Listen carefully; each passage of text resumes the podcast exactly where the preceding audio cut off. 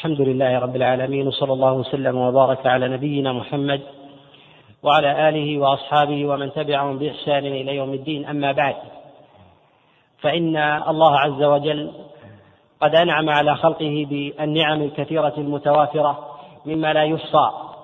وإن تعدوا نعمة الله لا تحصوها. وإن من أعظم النعم التي أنزلها الله عز وجل على هذه الأمة أن أنزل عليها كتابا بينا فيه شفاء لكل الناس شفاء من الأمراض والأسقام المعنوية والحسية. فما أنزل الله عز وجل القرآن على هذه الأمة إلا لتبرأ من جميع الأدواء والعلل الظاهرة والباطنة. ولهذا قال الله سبحانه وتعالى مخاطبا نبيه عليه الصلاة والسلام طه ما أنزلنا عليك القرآن لتشقى؟ أي ما أنزل الله عز وجل القرآن على نبيه إلا لأجل السعادة في الدارين.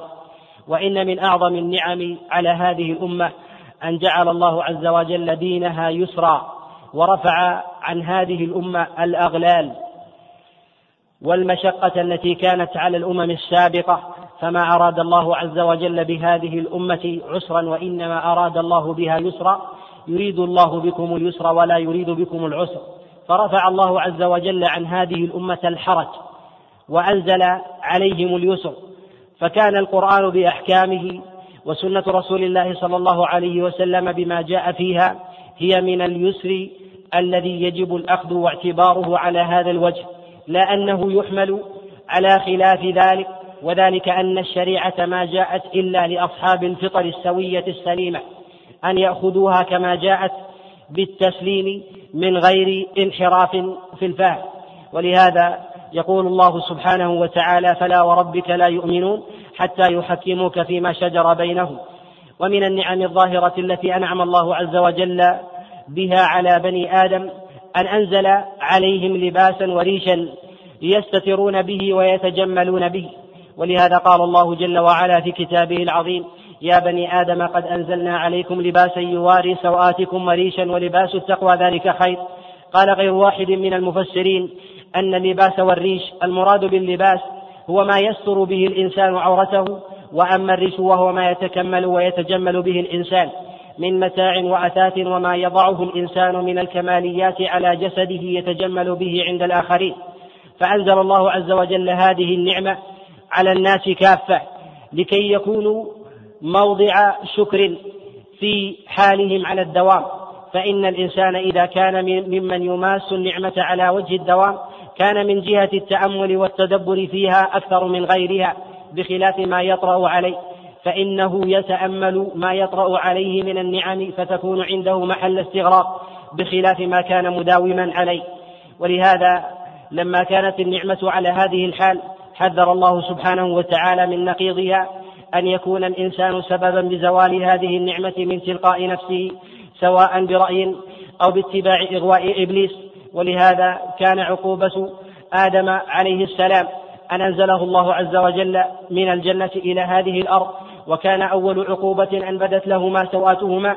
ولهذا بين الله عز وجل صراع آدم عليه السلام وزوجه عليه السلام مع إبليس حينما منعه الله عز وجل أن يأكل من الشجرة. فلما أطاع إبليس بقوله ورأيه حينما طمعهما بطول البقاء أن أبدى الله عز وجل لهما سوآتهما وأما قوله سبحانه وتعالى قد أنزلنا عليكم لباسا يواري سوآتكم وريشا فإن اللباس الذي ذكره الله عز وجل في هذه الآية قال غير واحد من المفسرين أن الله عز وجل قد أنزل على هذه الأمة لباسين وأنزل على هذه الأمة ريشا. أما اللباسان فلباس في الظاهر ولباس من جهة المعنى. أما ما كان في الظاهر فهو الحسي وأما ما كان في الباطن فهو المعنوي. أما الحسي فما يستره الإنسان في جسده من عورة وأما المعنوي فهو الدين والتقوى الذي أمر الله عز وجل بلزومها.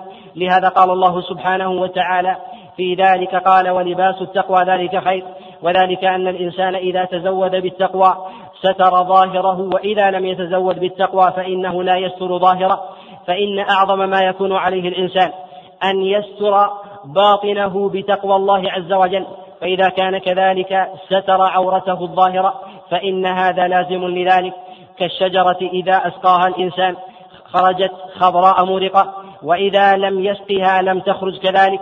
فإن القلب إذا كان حيا كان بقية الجسد كذلك وإذا كان ميتا كان الجسد كذلك. وأما الريش فأنزله الله عز وجل ليتجمل به الإنسان ويتكمل به. وأما أفضل اللباس على الإطلاق فهو ما أجمع عليه العقلاء إصلاح باطن الإنسان بتقوى الله سبحانه وتعالى ومراقبته. ولهذا قدم النبي عليه الصلاة والسلام تقوى الله عز وجل على أي شيء يتقيه الإنسان من الفتن كما جاء عن النبي عليه الصلاة والسلام في الصحيح من حديث أبي نضرة عن أبي سعيد أن رسول الله صلى الله عليه وسلم قال إن, الدن إن الدنيا حلوة خضرة وإن الله عز وجل مستعملكم فيها فناظر كيف تعملون. فاتقوا الله واتقوا النساء فإن أول فتنة بني إسرائيل كانت النساء. فأمر رسول الله صلى الله عليه وسلم بتقوى الله عز وجل قبل أن يتقي الإنسان الفتن الظاهرة الأخرى من فتنة النساء وغيرها مع شدة خطرها على الإنسان. لأن الإنسان إذا كان له وازع من قلبه حمله ذلك على مراقبة الله عز وجل في السر والعلانية سواء كان في غيبة في غيبة عن الناس أو في شهادة. وهذا هو أعظم ما يجعل الإنسان على استقامة في حاله كلها. ما نتكلم فيه في هذا اليوم هو عن نعمة عظيمة جليلة أنعم الله عز وجل بها على هذه على على عباده من بني آدم أن جعل الله عز وجل لهم من اللباس ما يسترون به أبدانهم وجعل الله عز وجل ذلك نعمة وجعله من الآيات التي لا يتدبرها ولا يتأملها إلا الذين إلا الذين يعقلون. وقد حذر الله سبحانه وتعالى من مخالفة أمره في ذلك في مواضع متعددة وخص بذلك الرجال وخص بذلك العقلاء من الرجال والنساء. فأمر الله سبحانه وتعالى النساء بستر العورات على وجه العموم وأمر الرجال بأن يأخذوا زينتهم تكملا فإذا كان ذلك من جهة الأمر بأخذ الزينة فإن فيما دون ذلك من باب أولى. لهذا قال الله سبحانه وتعالى خذوا زينتكم عند كل مسجد وهذا على وجه الأمر. قال غير واحد من العلماء إن ظاهر ذلك على الوجوب. فلا يليق بالإنسان أن يبتذل ويأخذ الرديء من اللباس إلى بيت من بيوت الله فإنه ربما يأثم بذلك. وذهب إلى هذا بعض الفقهاء من الحنابلة والشافعية والظاهرية. المراد الكلام عنه في هذه المحاضرة كما هو بين في عنوانها الحجاب في الميزان. الحجاب من جهة الأصل هو الاستتار ويغلب استعمال كثير من الناس من أهل العصر حمل الحجاب على معنى من معانيه فإنه من جهة الأصل هو الاستتار على وجه العموم سواء أن يستتر الإنسان ببناء أو بلباس أو يضرب له خيمة أو دارا أو يستتر بحائط أو يستتر بشيء من أنواع اللباس فإن هذا كله داخل في أنواع الحجاب. ولهذا قال الله سبحانه وتعالى فاسألوهن من وراء حجاب أي من وراء ساتر. فهذا الحجاب الذي أخبر الله عز وجل عنه في هذه الآية هو الساتر الذي ربما لا يماس المرأة فيكون حينئذ حائلا بينها وبين من يسألها متاعا. وأما المعنى الذي يحمله كثير من الناس عليه من تقييد معنى الحجاب ببعض أحكامه أو ببعض ما دل الدليل عليه وهو صحيح من جهة من جهة لغة العرب فإن هذا الحمل فيه تقييد لهذا النص. فمن نظر إلى نصوص الكتاب والسنة حيث أمر الله سبحانه وتعالى النساء بالاحتجاب عن الرجال إلا لضرورة وأن لا تخرج المرأة لحاجة وأن لا تخرج المرأة إلا لحاجة من ضرورة. وقد جاءت في ذلك الأدلة عن رسول الله صلى الله عليه وسلم كما جاء في الصحيح وغيرها من حديث عائشة عليها رضوان الله تعالى أن رسول الله صلى الله عليه وسلم قال لأزواجه قد أذن الله لكن أن تخرجن لحاجتكن. وجاء من غير وجه عن رسول الله صلى الله عليه وسلم بنحو هذا المعنى وأتم بيانا خارج الصحيح. والمراد الكلام عليه في هذه المحاضرة أن نتكلم على الحجاب بجميع أنواعه وأن نأتي على الأدلة من الكتاب والسنة من جهة الإجمال. وأما استيفاء ذلك فإنه متعذر فإن هذا يضيق ولا يتسع ولا يمكن إدراكه لورود الأدلة الكثيرة المتضافرة على هذا الأصل العظيم. وكذلك وجود من يخالف في فهم هذه الأدلة من بعض الفقهاء من الأئمة من السلف والخلف. فإيراد الأدلة في جميع مسائل هذه هذه المحاضرة وهذا العنوان مما يشق ولا يمكن ولا يمكن استيعابه. كذلك أيضا إيراد أدلة المخالفين في بعض المسائل مما يشق أيضا وإنما نورد ما أجمل وما يندرج في الجملة من الأدلة في بعضها. نورد أظهرها وأقواها حجة ثم نبين ثم نبين الرجحان منها والراجح منها والمرجوح ثم نبين وجه وجه وجه الرجحان ووجه الدليل غير غير الراجح وهذا كله بالأدلة البينة الظاهرة من الكتاب والسنة وما كان فيه من الأدلة فيه ضعف. نبين ضعفه ومن ضعفه من الأئمة ومن رد. ومن كان محتجا بأحد من الأدلة نبين قوله ممن قاله وإن كان هذا القول لا ينسب لأحد بينا خاصة أن هذه المس... أن هذه المسائل قد تطرق ودخل فيها كثير ممن ينتسب ممن ينتسب إلى الجهالة ولا ينتسب إلى العلم. ودخل في ذلك جملة من أهل العلم بحسن ظن. ودخل في ذلك أيضا جملة ممن ينتسب إلى العلم. ربما رغبة ورهبة مسايرة لبعض الأهواء لبعض الأهواء المعاصرة. كما كان ذلك في كثير من القرون. وهذا يأتي بيانه بإذن الله. إن إن من نعم الله عز وجل أن جعل العقلاء أصحاب الفطر السليمة على هداية من ربهم واستقامة في هذا الجانب وإدراك هذه النعمة التي أنعم الله سبحانه وتعالى على عباده. فإن من نعم الله عز وجل الظاهرة البينة أن جعل الأحكام ظاهرة بين الرجال والنساء وجعل العلاقة محدودة بضوابط معلومة حدها الله سبحانه وتعالى في كتابه العظيم وعلى لسان رسول الله صلى الله عليه وسلم. وما ينبغي أن يعلم ما تقدم الإشارة إليه أن معنى الحجاب في كلام الله عز وجل وفي كلام رسول الله صلى الله عليه وسلم وكذلك في اصطلاح السلف كذلك أيضا في لغة العرب من جهة الأصل هو أعم ما يطلقه مما أعم مما يطلقه كثير من أهل العصر بتحديده على بعض وجوه وهذا ما يحدث خلطا في كثير من مسائله ولهذا يقول شيخ الإسلام ابن تيمية عليه رحمة الله إن من لم يعرف اصطلاح الكتاب والسنة واصطلاح الصحابة عليهم رضوان الله تعالى ومخاطبة رسول الله صلى الله عليه وسلم لهم عليهم رضوان الله تعالى وحمل تلك المصطلحات على ما يفهمه أهل عصره فإذا ورد أمثال هذه المصطلحات في كلام الله عز وجل وكلام رسول الله صلى الله عليه وسلم حملها على ما على ما, ما يفهمه من أهل عصره على خلاف مراد الله عز وجل ومراد رسوله وفهم السلف الصالح من الصحابة والتابعين. وهذا ما أحدث في كثير من المسائل الخلط فيها عند كثير من طلاب الحق. فيحملون كثيرا من مسائل الدين على ما يفهمه أهل العصر من هذه الألفاظ. مع الجهالة البينة باصطلاح الصحابة والتابعين عليهم رضوان الله تعالى في فهم الأدلة. ولهذا كان لزاما أن نبين معنى الحجاب من جهة من جهة النصوص من كلام الله عز وجل وكلام رسول الله صلى الله عليه وسلم. تقدمت الآية بالإشارة إلى أن معنى الحجاب هو أن تحتجب المرأة أو الرجل بجسده وأن هذا يطلق عليه حجابا وإن لم يكن مماثلا. فالحجاب كما جاء عن غير واحد من العلماء من أهل العربية كأبي عبيدة وغيره أن الحجاب ما استتر به الإنسان سواء كان حائضا أو لباسا من خمار أو جلباب أو غير ذلك مما يستتر به الرجل أو المرأة فإنه يسمى حجابا. ولهذا يعلم أن الله سبحانه وتعالى إذا أمر بالحجاب أو أمر رسوله صلى الله عليه وسلم فإنه يحمل على هذا المعنى العام. ولهذا حينما يأمر الله عز وجل النساء على وجه العموم وخاصة أمهات المؤمنين عليهن رضوان الله تعالى بالاحتجاب يأمرهن من جهة الأصل بعدم الخروج إلا لحاجة. وما كان لحاجة فإنهن يخرجن مع التقيد باللباس باللباس والحشمة.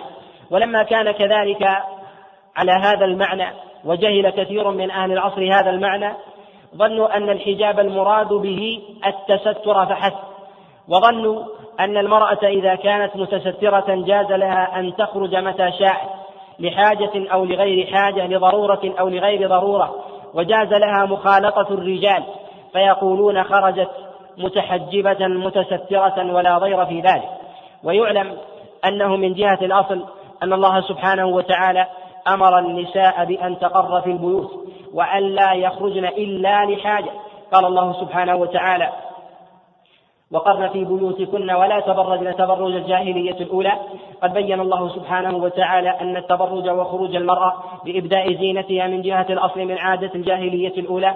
وفي قوله جل وعلا الجاهلية الأولى دليل على أن ثمة جاهليات وأن أشد هذه الجاهليات هي الجاهلية الأولى التي فيها ابتلال النساء ووصفهن وقد جاء عن غير واحد من المفسرين كعن عبد الله بن عباس كما رواه ابن جرير وابن أبي حاتم وابن المنذر وغيرهم أن المراد بالجاهلية هذه هي ما كان بين نوح وإدريس عليهما الصلاة والسلام.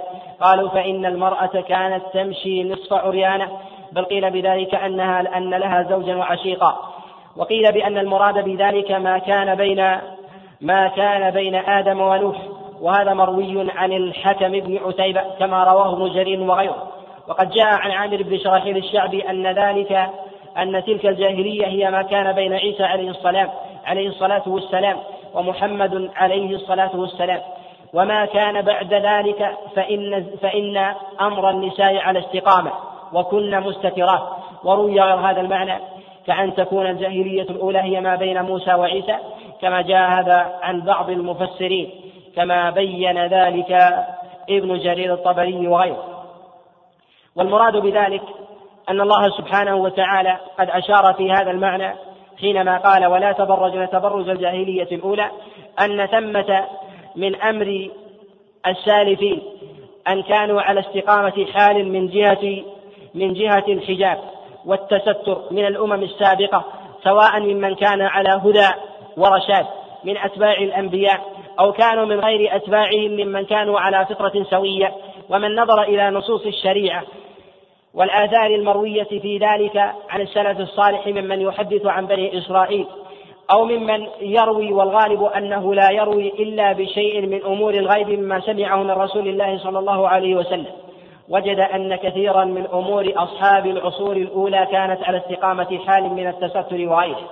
وهذا قد جاء في قوم صالح وجاء في قوم شعيب وجاء في قوم وجاء في قوم عيسى وموسى عليهم الصلاة والسلام. قد روى ابن جرير الطبري وكذلك ابن أبي حاتم وابن المنذر وغيرهم من حديث أبي إسحاق السبيعي عن عمرو بن ميمون عن عمر بن الخطاب عليه رضوان الله تعالى. قال في قول الله سبحانه وتعالى فجاءت إحداهما تمشي على استحياء قال عمر بن الخطاب عليه رضوان الله تعالى جاءت وقد غطت وجهها قيل أن هذه هي ابنة شعيب. جاء هذا عن بعض المفسرين والأشهر أنها ليست ابنة شعيب. قيل أنها ابنة يثربي صاحب مدين. وقيل إنها ابنة أخي شعيب عليه الصلاة والسلام. وعلى كل فإن هذا الأمر يدل على أن النساء في ذلك الوقت كن يحتجبن ويستترن عن الرجال. وجاء هذا أيضا في قوم صالح.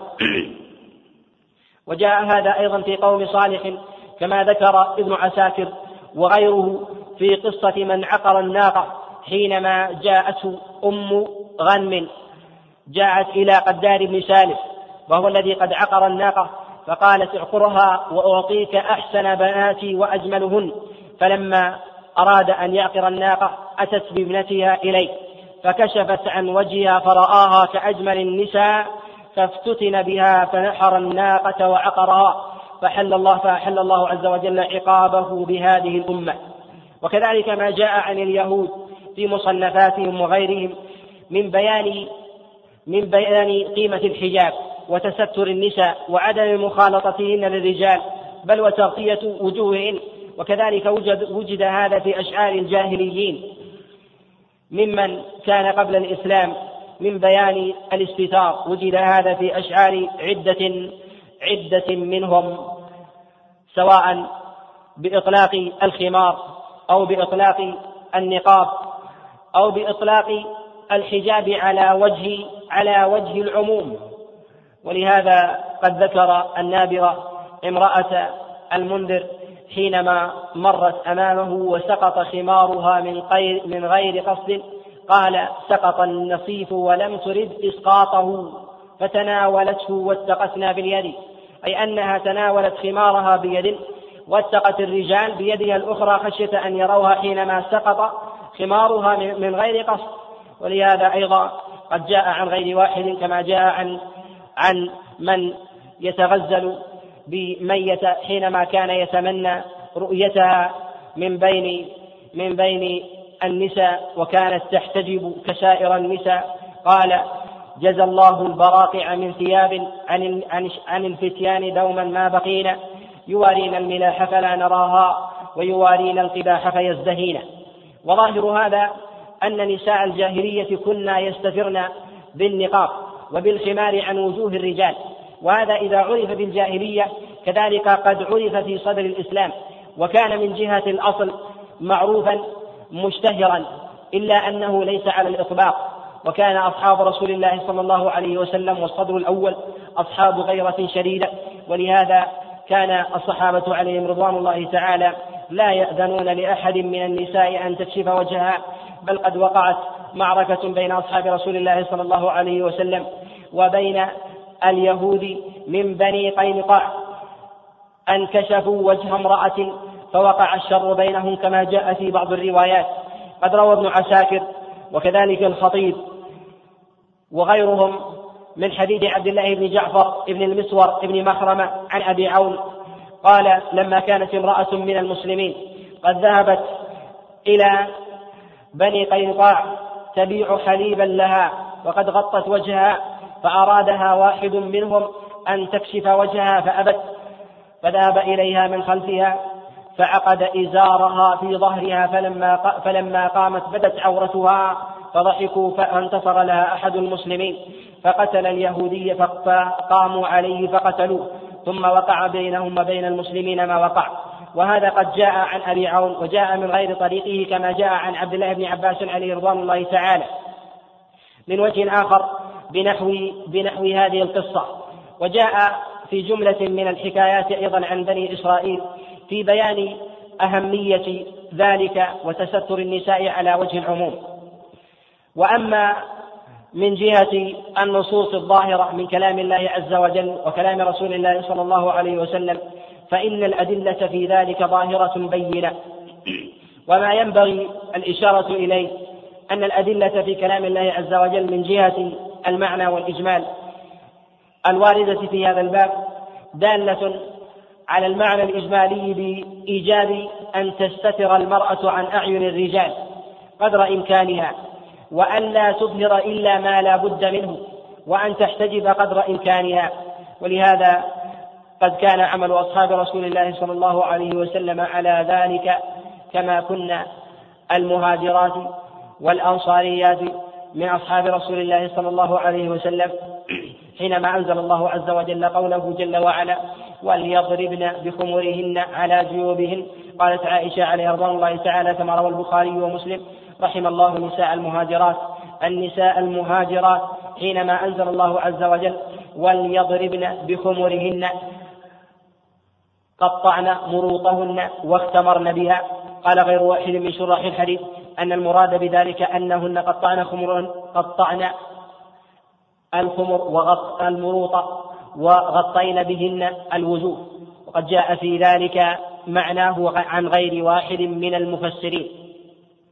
قد جاء في ذلك في كلام الله سبحانه وتعالى جملة من الآية نورد جملة منها ثم نبين معانيها ثم نبين بعد ذلك ما جاء عن رسول الله صلى الله عليه وسلم في هذا المعنى مما يدل عليه.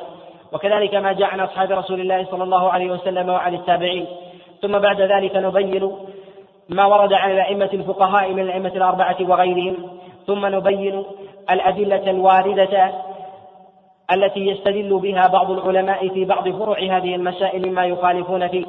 ونبين هذه الأدلة مع بيان صحتها وضعفها ونناقش الأدلة التي ليست بصحيحة. ونبين احتمال الرد في حال صحة بعض الأحاديث. ونبين جملة من أسماء الأئمة الذين قد تكلموا على هذه المسائل.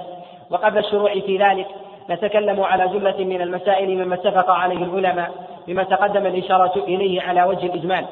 أولا قد دل الدليل من جهة الإجمال على أهمية الاستتار والعفاف والستر وأن الإنسان ينبغي قدر إمكانه أن يحترز من النساء. ولهذا قد جاءت الأدلة كثيرة في كلام الله عز وجل وكلام رسول الله صلى الله عليه وسلم من التحذير من مخالطة النساء والدنو منهن.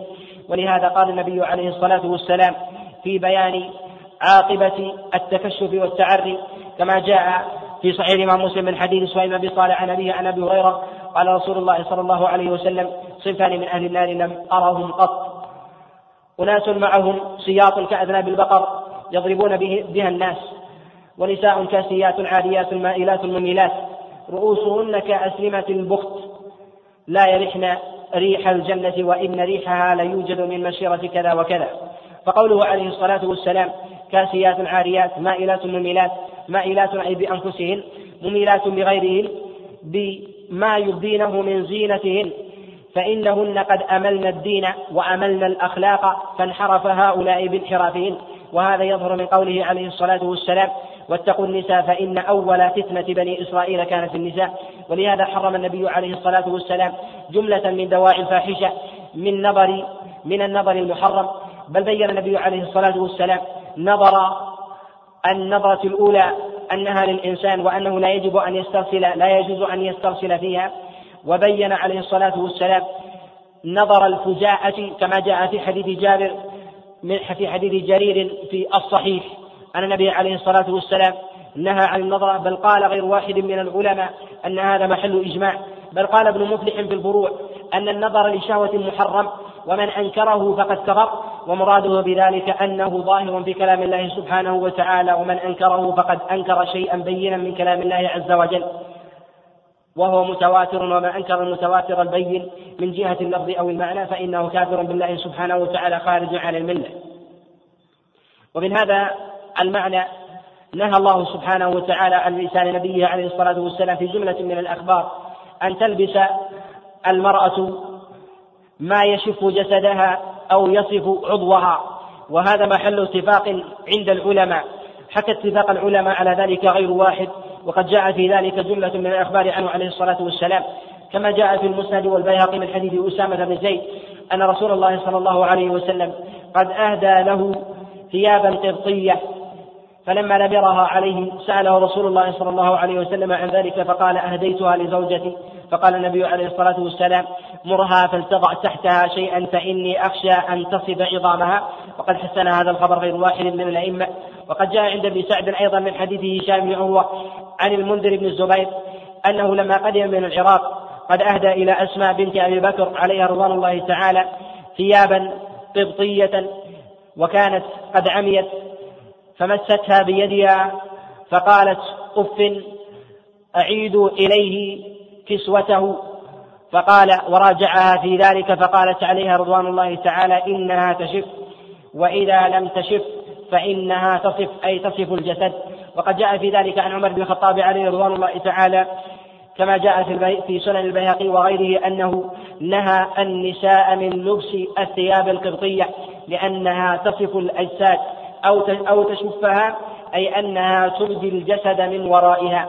ولهذا أمر النبي عليه الصلاة والسلام بلبس الغلاظ من الثياب حتى لا يظهر جسد المرأة. وهذا محل إجماع عند العلماء ولا خلاف عندهم في ذلك. ومن المسائل المتعلقة في هذا الباب ما تلبسه المرأة وتستتر به فهل له لون معين أم لا؟ الوارد في ذلك عن أصحاب عن الصحابيات عليهن رضوان الله تعالى أنهن كن يلبسن السواد. وقد جاء هذا عن عائشة عليها رضوان الله تعالى كما روى مسدد في مسنده من حديث إسماعيل بن أبي جعفر عن أمه وأخته أنهما دخلتا على عائشة عليها رضوان الله تعالى وعليها خمار أسود فسألناها عن تخمر المرأة وهي محرمة فأخذت بخمارها من على صدرها ووضعته على وجهها. وقد جاء هذا في حديث أم سلمة لما أنزل الله عز وجل لما أنزل الله عز وجل قوله سبحانه وتعالى وليضربن بخمرهن على جيوبهن قالت خرجنا النساء وكأنهن الغربان عليهن أكسية الفود وقد جاء هذا عند عبد الرزاق في مصنفه وغيره. وجاء هذا مما يفهم عنه أيضا في خبر أنس بن مالك عليه رضوان الله تعالى كما في الصحيح. وإن, لبس وإن لبست المرأة غير ذلك فإنه لا حرج فيه. إذا كان عليه الوصف تاما والابتداء بما كان عليه أصحاب رسول الله صلى الله عليه وسلم أولى.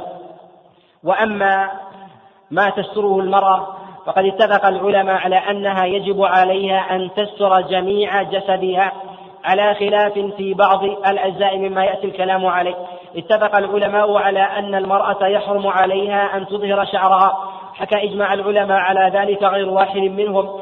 ابن المنذر وكذلك ابن حزم الأندلسي في كتابه الإجماع وغيره من الأئمة أنه لا يجوز للمرأة أن تظهر شعرها على الإطلاق. وهذا وهذا الذي قد تقرر في سائر المذاهب الفقهية من المالكية والحنفية والشافعية والحنابلة وكذلك مذهب الظاهرية بل قد نص عليه الفقهاء من أرباب المذاهب البدعية من جهة الاعتقاد كالرافضة والإباضية وغيرها. على أنه يحرم على المرأة أن تظهر شيئا من شعرها فيكون حينئذ هذا من النصوص القطعية المتواترة. وأما النقاب وستر المرأة لوجهها من جهة الأصل وتقرير هذه المسألة ينبغي أن يعلم أن النقاب كما أنه موجود في الجاهلية كذلك قد وجد في صدر الإسلام على هيئته بإظهار المرأة لعينيها. ومن نفى ذلك فإنه دليل على الجهل الظاهر البين كما تقدم الإشارة إليه ببيان أشعار الجاهليين. وكذلك كما جاء عن عائشة عليها رضوان الله تعالى كما عند ابن سعد في الطبقات.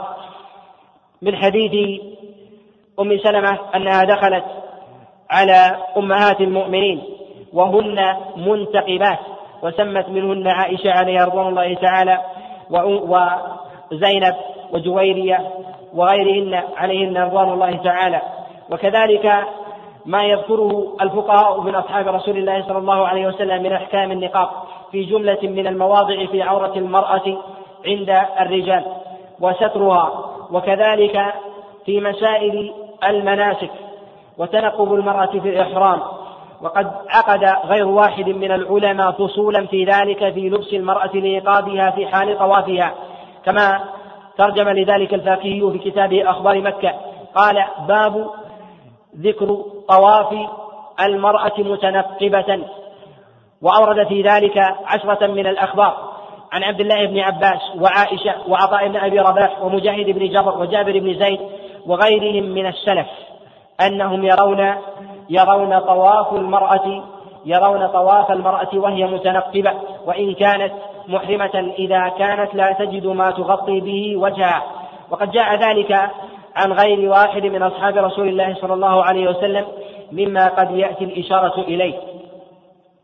من جهة النصوص الواردة في كلام الله سبحانه وتعالى قد أمر الله عز وجل نبيه بأن يأمر النساء بأن يغضضن من أبصارهن. فقال الله عز وجل وقل للمؤمنات يغضضن من أبصارهن ويحفظن فروجهن. فأمر الله عز وجل لنبيه عليه الصلاة والسلام بأن تغض المرأة بصرها وأن تحفظ فرجها وأن تضرب بخمارها على وجهها. ظاهره أنه من جهة الأصل أنه يجب عليها أن تستتر ولا تظهر زينتها إلا ما كانت الضرورة داعية إليه. قد استدل غير واحد من العلماء بقوله سبحانه وتعالى وليضربن بخمرهن على جيوبهن بأهمية ووجوب ستر الوجه. قد جاء هذا عن غير واحد من أصحاب رسول الله صلى الله عليه وسلم. قد جاء هذا عن عبد الله بن مسعود وروي هذا عن غير واحد من المفسرين من التابعين. قد جاء عن الحسن البصري وإبراهيم النخعي وعكرمة وجاء عن السدي وقتادة وجاء عن عبد الله بن عباس عليه رضوان الله تعالى. وكذلك في قوله جل وعلا وإذا سألتموهن متاعا فاسألوهن من وراء حجاب قالوا المراد بذلك الحجاب على وجه العموم فإذا أمرت المرأة بأن لا تسأل إلا من وراء حجاب يسترها من جسدها وإن كانت وإن كانت متحجبة فستر وجهها من باب أولى. قد جاء هذا المعنى عن غير واحد من أصحاب رسول الله صلى الله عليه وسلم. يأتي بيانه كذلك عن غير واحد من عن غير واحد من التابعين وأئمة السلف. وقوله سبحانه وتعالى ولا يبدين زينتهن إلا ما ظهر منها فيه نهي أن تبدي المرأة شيئا من زينتها إلا ما ظهر منها. قال غير واحد من المفسرين أنه لا يجوز للمرأة أن تبدي وجهها. قد نص على ذلك عبد الله ابن مسعود كما روى ذلك ابن الجرير الطبري وكذلك ابن أبي حاتم وابن المنذر وابن أبي شيبة من حديث من حديث أبي إسحاق عن علقمة عن عبد الله بن مسعود عليه رضوان الله تعالى. وجاء أيضا عن عبد الله بن عباس كما رواه ابن جرير وابن أبي حاتم من حديث معاوية بن صالح عن علي بن أبي طلحة عن عبد الله بن عباس عليه رضوان الله تعالى قال أمر الله عز وجل النساء ألا يخرجن إلا لحاجة فإن خرجن يغطين وجوههن ولا يبدين إلا عينا واحدة. وروي نحو هذا التفسير عن الصدي عليه رحمة الله وروي ذلك عن إبراهيم وعامر ويأتي الكلام على هذا المعنى. وما جاء في كلام رسول الله صلى الله عليه وسلم مما يستدل به على وجوب والتأكيد على تغطية الستر على تغطية المرأة لوجهها.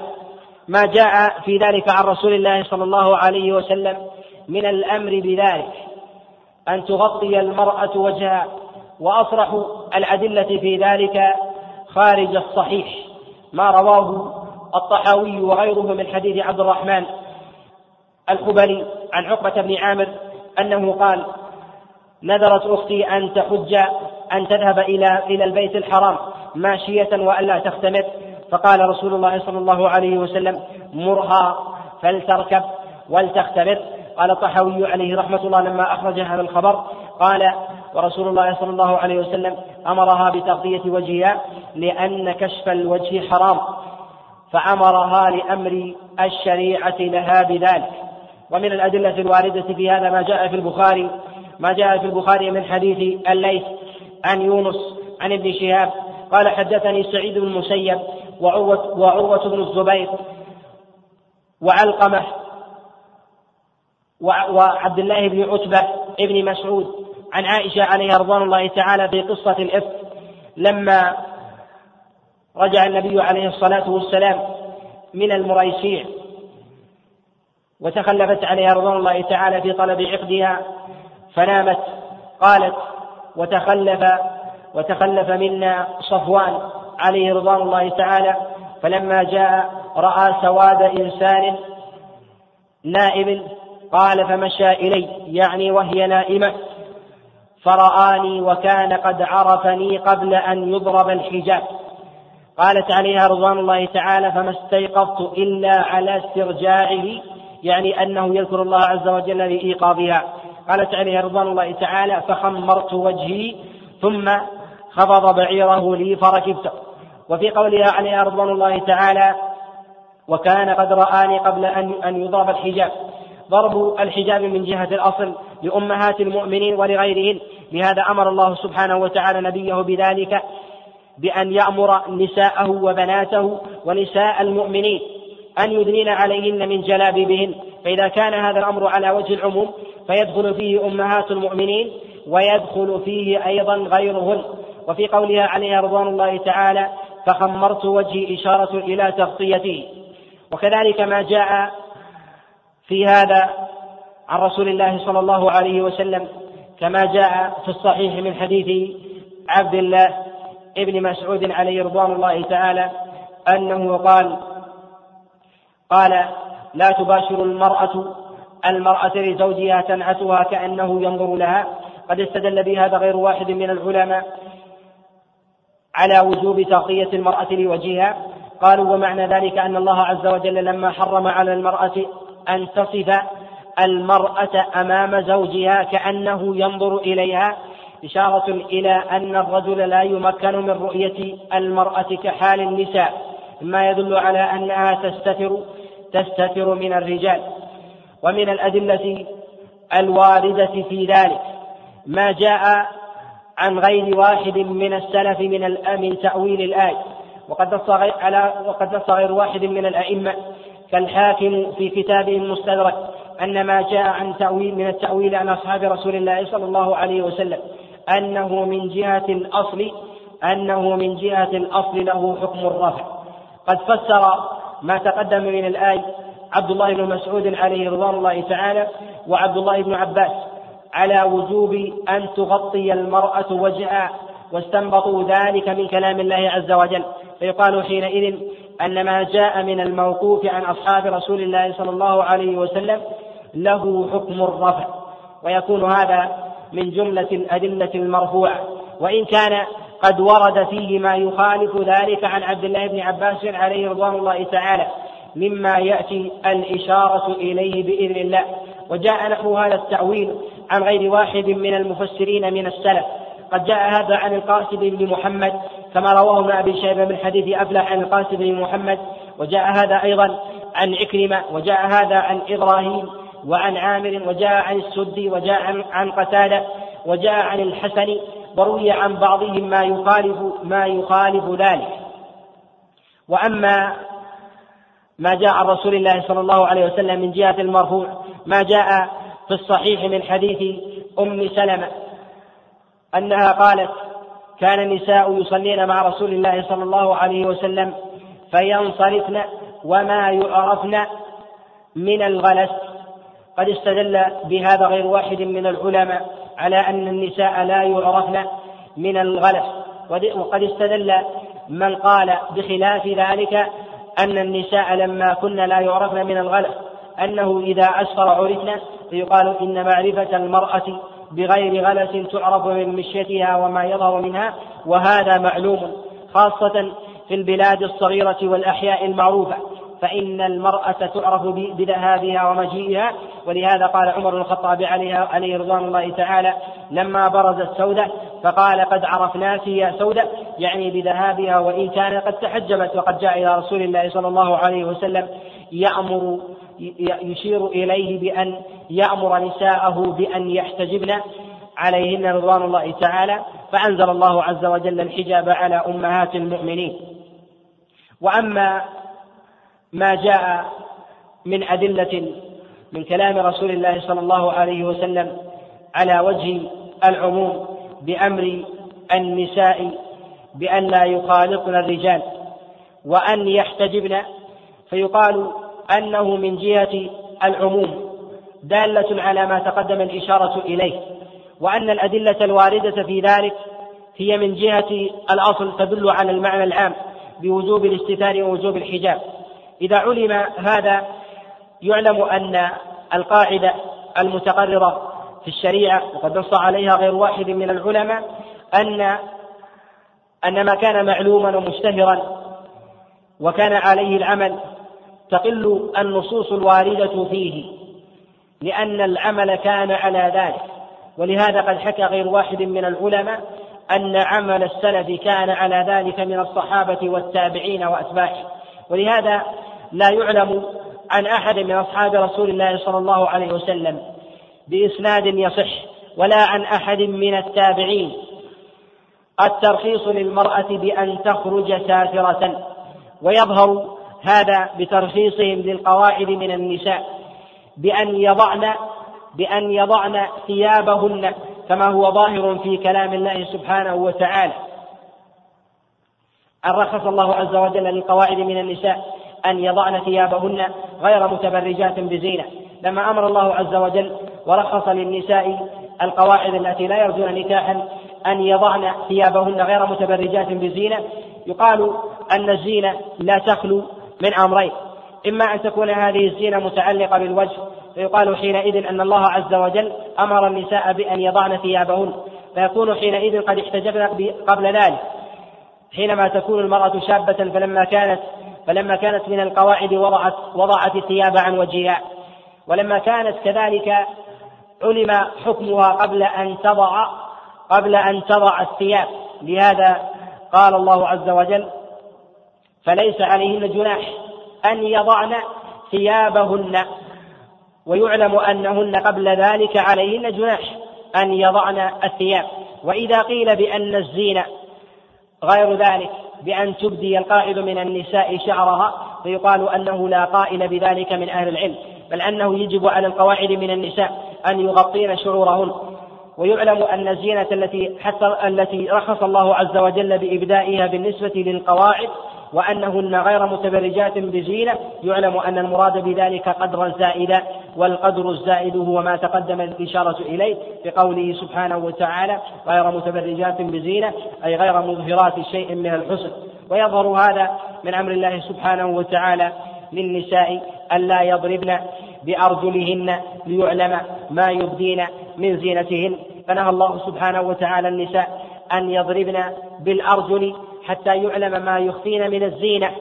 والزينة التي تخفيها المرأة في قدمها هو خلخالها. فإذا كانت المرأة منهية عن إظهار عن إسماع صوت الخلخال بالنسبة للرجال فإن ما كان دون ذلك فهو من باب أولى. ويظهر هذا من تعامل رسول الله صلى الله عليه وسلم مع مع النساء وكذلك تعامل أصحابه عليهن رضوان الله تعالى. ومن هذا ما جاء عن أصحاب عن الصحابيات عليهن رضوان الله تعالى من احتجابهن حتى في المناسك كما جاء كما جاء في رواية الإمام مالك عن هشام عن فاطمة بنت المنذر أنها قالت كنا نحج مع أسماء بنت أبي بكر فنخمر وجوهنا ونحن محرمات فإذا كان هذا في حال الإحرام فإنه في حال غيره من باب أولى. وقولها عليه رضوان الله تعالى نخمر وجوهنا, وجوهنا يعني حكاية الإجماع. ومعلوم أن المرأة محرم عليها أن تغطي وجهها بنقاب فلما كان كذلك ورخص لها دل على أنه لا يرخص في فعل المحرم إلا لفعل ما هو آكد منه من جهة الوجوب. وهذا ما دل على عائشة عليها رضوان الله تعالى كما رواه ابن أبي خيثمة من حديث إسماعيل بن أبي خالد عن أمه أنها دخلت على عائشة عليها رضوان الله تعالى فسألتها عن امرأة امتنعت من أن تخمر وجهها وهي محرمة. قال فأخذت عائشة خمارها من على صدرها ووضعته على وجهها إشارة إلى أنه ينبغي لها أن تغطي وجهها حتى وإن كانت محرمة. ولهذا قد نص غير واحد من الأئمة على أنه يجب على المرأة أن تغطي وجهها حتى حال إحرامها عند الرجال الأجانب. وجملة الأدلة الواردة في هذا الباب هي داخلة في هذا المعنى وقد جاء عن غير واحد من السلف.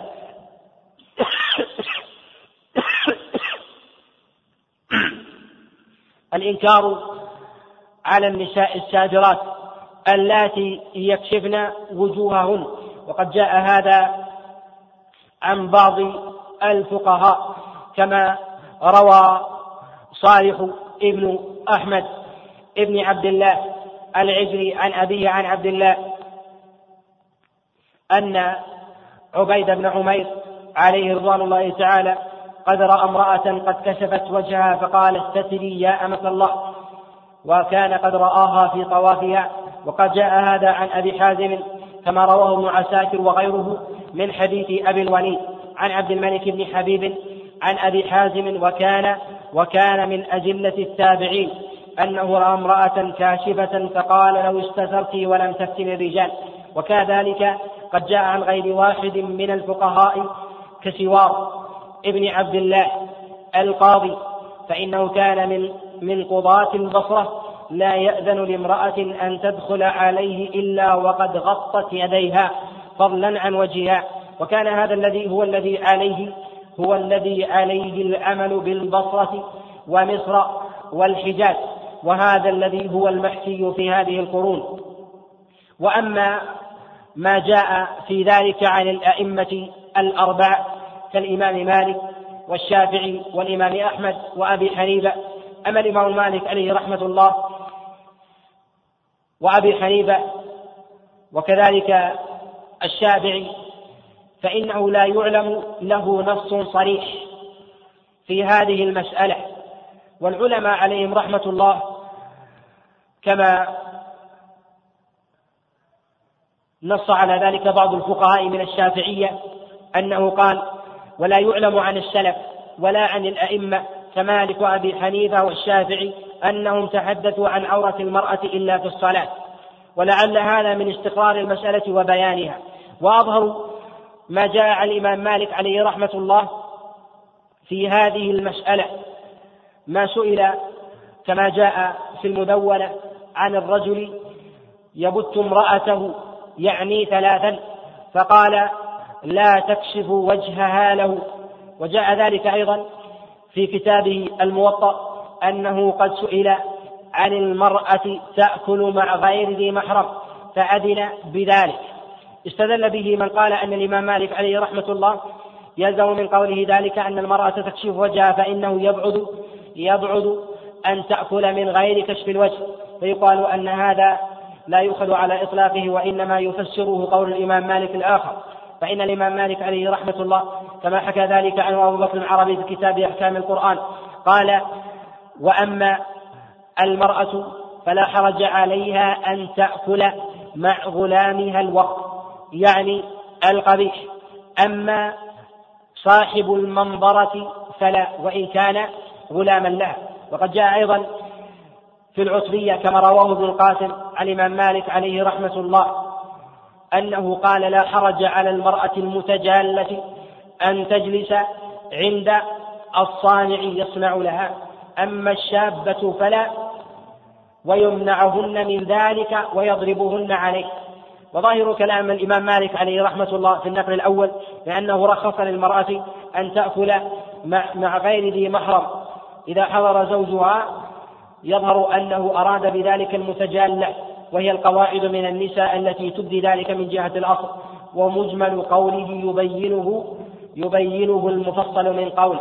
والمالكية من جهة الإطلاق يشددون في هذا والمتقرر في مذهب الإمام مالك منع المرأة منع الرجل من أن يسلم على المرأة الشابة بل قد نص سحنون كما في كتابه المدونة أن الرجل لا يعزي المرأة الشابة ولا يبذل لها السلام.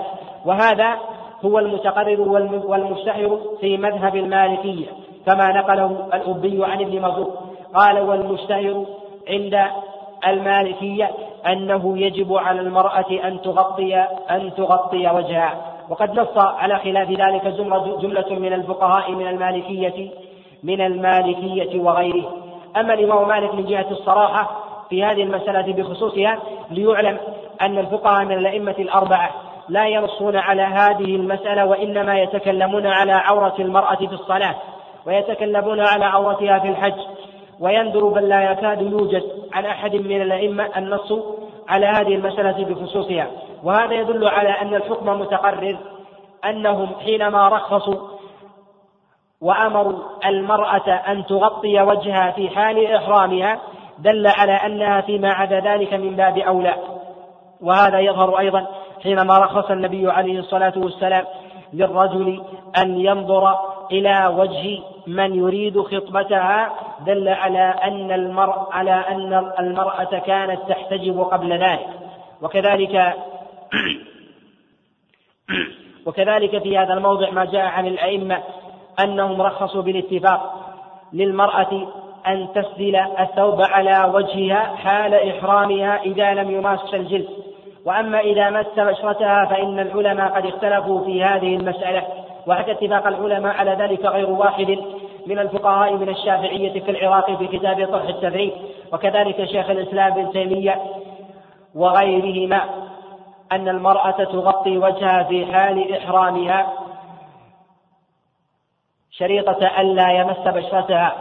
وأما إذا مس البشرة فقد ذهب جمهور العلماء إلى أن الحكم كذلك.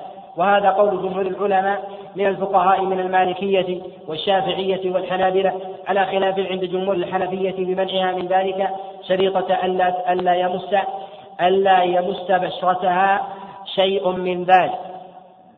وأما الإمام مالك عليه أما الإمام الشافعي عليه رحمة الله ففي كتابه الأم قال في المرأة المحرمة قال إذا طافت نهارا تغطي وجهها أي تسدل حجابها على وجهها. يريد بذلك أنها إذا طافت من الليل لا يراها الناس فإنها لا تغطي وجهها. وفي قوله عليه رحمة الله أنها إذا طافت نهارا وهذا في كتاب الأم إذا إذا طافت نهارا غطت وجهها.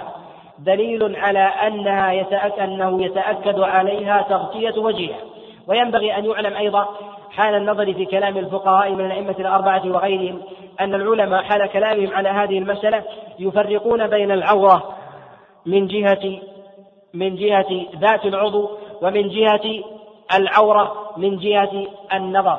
لهذا يقول بعض الفقهاء من الشافعية وغيرهم يقولون وجه المرأة ليس بعورة ولا يريدون بذلك أنه لا يجب تغطيته. ولهذا يقول الرازي وكذلك أبو بكر الجصاص وهو من الحنفية وكذلك يقول الطحاوي وكذلك يقول العراقي وغيره يشيرون إلى أن وجه المرأة المرأة ليس بعورة ولكنهم يجعلونه عورة من جهة النظر فهم يفرقون من جهة العورة من جهة الكشف ويفرقون من جهة العورة من جهة النظر. قالوا فإذا كانت المرأة تعلم أن ثمة رجال ينظرون إليها كانت حينئذ موضع عورة فيجب عليها أن تستر ذلك وعليه ما يستدل به كثير من المتفقه أو من يحتج بأقوالها بأقوال الفقهاء من الأئمة الأربعة وغيرهم حال كلامهم عن عورة المرأة في الصلاة أو في الحج أو كلامهم على وجه الإطلاق أن وجه المرأة ليس بعورة أي أنهم يريدون بذلك أنه لا يساوي عورة المرأة التي تغطيها على وجه الإطلاق فلا تبديه إلا لزوجها كالسوأتين فإنها عورة لا تبديه إلا لزوجها ولا يقال أنها تكشفها لناسها فإن هذا لا قائل لا قائل به. عليه يعلم أن ما يذكره الفقهاء من إطلاق العورة على الوجه في نصوص الفقهاء من الشافعية والحنفية والمالكية كذلك الحنابلة أنهم لا يريدون بذلك العورة من جهة من جهة النظر. وأما النصوص الواردة عن أئمة الفقهاء من أتباع المذاهب الفقهية الأربع فإن النصوص عنهم قبل تقريرها يجب أن يعلم أنه لا يعلم خلاف عن أحد من العلماء من المتقدمين أو من المتأخرين على اختلاف طبقاتهم ومذاهبهم. أنهم قالوا بأنه يتأكد في حق المرأة أن تكشف وجهها أو يجوز لها أن تكشف وجهها على التساوي بين الأمرين أو أنه يجوز للمرأة أن تكشف وجهها عند الافتتان بها بل أنهم يجمعون على التأكد بأن أن تغطي المرأة وجهها بل أنهم يوجبون على وجه الاتفاق أن تغطي المرأة وجهها عند عند الافتتان بها. حكى إجماع العلماء على ذلك غير واحد كإمام الحرمين ومن الشافعية وكذلك ابن حجر العسقلاني كما في كتابه الفتح وكذلك ابن رسلان وهو من الأئمة الشافعية حكى إجماع العلماء على وجوب تغطية النساء لوجوههن حال الفتنة متى وجدت وأنه يرخص للمرأة القاعد أن تكشف أن أن تكشف وجهها وقد نص على هذا المعنى غير واحد بصياغات متعددة. من جهة التأكيد على ذلك تارة على وجه الإلزام وتارة على وجه التأكيد. وبيان أنه من أعظم المروءة ومخالفة ذلك من قوادح المروءة غير واحد من الأئمة من من أتباع المذاهب الأربع. فمن فمن مذهب أبي حنيفة قد نص على ذلك الإمام الطحاوي في كتابه شرح معاني الآثار ونص على ذلك أبو بكر الجصاص في كتاب أحكام القرآن ونص على ذلك الزمخشري في كتابه التفسير وكذلك النسفي في كتاب التفسير أيضا وغير واحد من الأئمة من المتأخرين كابن عابدين وغيره من فقهاء الشام كعلاء الدين الحنفي. نصوا على أن النساء يغطين وجوههن. وكذلك من الفقهاء من المالكية كما تقدم الإشارة إليه مما ورد من النصوص عن الإمام مالك وكذلك سحنون ما أشار إليه في كتابه المدونة. وكذلك ما جاء من الأمر بتغطية المرأة لوجهها. عن ابن غنيم في كتابه الفواكه الشهية بشرح رسالة ابن أبي زيد. حينما بين أن المرأة يجب عليها أن تغطي أن تغطي وجهها. وقد أشار إلى هذا المعنى أبو بكر ابن العربي وكذلك ابن حيان وغيرهم من أئمة الفقهاء من المالكية. بل أن عادة النساء بل أن عادة النساء في بلاد المالكية في الأزمنة المتقدمة على هذا الأمر. كذلك من الفقهاء من الشافعية ما يربو على عشرين إماما أكدوا على ذلك وأهميته. منهم الإمام الشافعي عليه رحمة الله ما تقدمت الإشارة إليه وكذلك ابن المنذر في كتابه الأوسط وإمام الحرمين وكذلك ولي الدين العراقي وابن حجر العسقلاني وأبو حامد الغزالي وكذلك جلال الدين المحلي وجلال الدين السيوطي والإمام الخطيب الشربيني. والإمام البيضاوي وغيرهم من أئمة الفقهاء من الشافعية بل أن منهم من يؤكد ذلك كأبي حامد الغزالي في كتابه إحياء علوم الدين بل أنه أكد ذلك وقال أنه يجب على المرأة بمعناه أنه يجب على المرأة إذا كانت مكرهة على الزنا بغير رضاها يعني أنها مغتصبة ألا تسترسل وتكشف وجهها لأنها مكرهة على الزنا فتملك تغطية وجهها. بل أنه حال تقريره لمسألة أن ينكر الرجل على أن ينكر الرجل المنكر وإن كان يقع في حرام. أعظم منه قال أنه يجب على الزاني إذا زنى بامرأة وهي كاشفة لوجهها أن يأمرها بتغطية وجهها وأنكر ورد على من يخالفه في هذا القول. وهذا يدل على أنه يشدد في هذه المسألة ويبين أن هذا من المنكرات. بل قد نص عليه رحمة الله في كتاب إحياء علوم الدين على أن كشف الوجه معصية مستقلة عن الزنا فإذا زنى الإنسان وجب عليه أن ينكر على المرأة كشفها لوجهها وهذا القول وإن كان من جهة من جهة النظر مما لا يستساق إلا أنه يريد بذلك تقرير المسألة من جهة إنكار المنكر. إذا كان الإنسان متلبسا بحرام وأن قول الله سبحانه وتعالى معاتبا لمن كان لمن كان واقعا في فسوق بقوله جل وعلا أتأمرون الناس بالبر وتنسون أنفسكم؟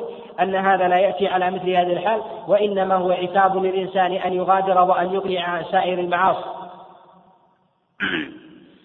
وأما الفقهاء من الحنابلة فإن هذا الأمر مما مشتهر مما هو مشتهر عنه. ولا أعلم نصا عن الإمام مالك عليه رحمة الله في هذه المسألة إلا ما جاء عنه ما ذكره بعض الفقهاء أنه قال أن المرأة كلها عورة حتى ظفرها. قال بعض الفقهاء أن مراده بذلك يعني في الصلاة ولا يجوز لها أن تكسر في الصلاة إلا وجهها. قالوا ولا يريد بذلك أنها على وجه الإطلاق. ولا أعلم الإمام الإمام أحمد عليه رحمة الله نص في هذا إلا في مسألة الصلاة وهذا الموضع وفي مسألة الحج أن المرأة تسدل, تسدل خمارها على وجهها إذا طافت حال حال رؤية الرجال لها وقد نص على ذلك من الفقهاء من الحنابلة غير واحد من الأئمة. كشيخ الإسلام ابن تيمية وابن القيم وابن رجب ويوسف بن عبد الهادي والزركشي في شرحه وكذلك الفرقي والبهوتي وغيرهم من الأئمة على أنه يجب على المرأة أن تغطي وجهها عن الرجال الأجانب وتقدم الإشارة إلى أن العلماء قد أجمعوا على أن المرأة إذا إذا كانت تعلم أنه يفتتن بها وجب عليها عند سائر المذاهب بل قد نص غير واحد من العلماء أنه يجب على المرأة أن تغطي وجهها في هذه الأزمنة يعني في أزمنتهم لغلبة الفساد. فكيف لو رأوا ذلك في أزماننا؟ بل قد نص غير واحد من الفقهاء من الحنفية على أن من أسباب من أسباب جواز ضرب الرجل لامرأته في قوله سبحانه وتعالى واضربوهن إذا كشفت المرأة وجهها لغير محرم لها. نص على ذلك ابن نجيم في كتابه البحر الرائق. وكذلك نص على ذلك صاحب كتاب رمز البصائر في شرح الأشباه والنظائر أنه من أسباب ومما يجوز للرجل أن يضرب زوجته عليه. إذا كشفت وجهها لرجل لا يحل لها. وأما ما يرد عند كثير من الفقهاء سواء من المعاصرين أو من فقهاء من فقهاء الأئمة من أتباع المذاهب الفقهية الأربعة الذين يستدلون ببعض النصوص الواردة في كلام الله عز وجل أو في كلام رسول الله صلى الله عليه وسلم. أو ما جاء عن أحد من أصحاب رسول الله صلى الله عليه وسلم أو عن أحد من أئمة التابعين يستدلون به على خلاف ما تقدم تقريره من أنه لا حرج أن تكشف المرأة وجهها واستدلوا ببعض النصوص الواردة عن رسول الله صلى الله عليه وسلم. من هذه النصوص ما جاء في الصحيح من حديث سليمان بن يسار ويرويه عنه ابن شهاب عن عبد الله بن عباس عن الفضيل أنه لما كان رديف النبي عليه الصلاة والسلام في حجة الوداع بمزدلفة جاءت امرأة من خثعم وجاء في الخبر أنها كانت امرأة وضيئة قال فطفق الفضل ينظر إليها ورسول الله صلى الله عليه وسلم يصرفه يمنة ويسرة. استدلوا بذلك أن المرأة كانت كاشفة لوجهها والفضل ينظر ينظر إليها. وهذا الخبر في الصحيح. أولا يقال أن هذا الخبر في الصحيح وأن المرأة التي قد جاءت إلى رسول الله صلى الله عليه وسلم كانت حدثا كما جاء في بعض الروايات وأن وأن أباها قد رغب برسول الله صلى الله عليه وسلم أن يتزوجها عارضا له عليها.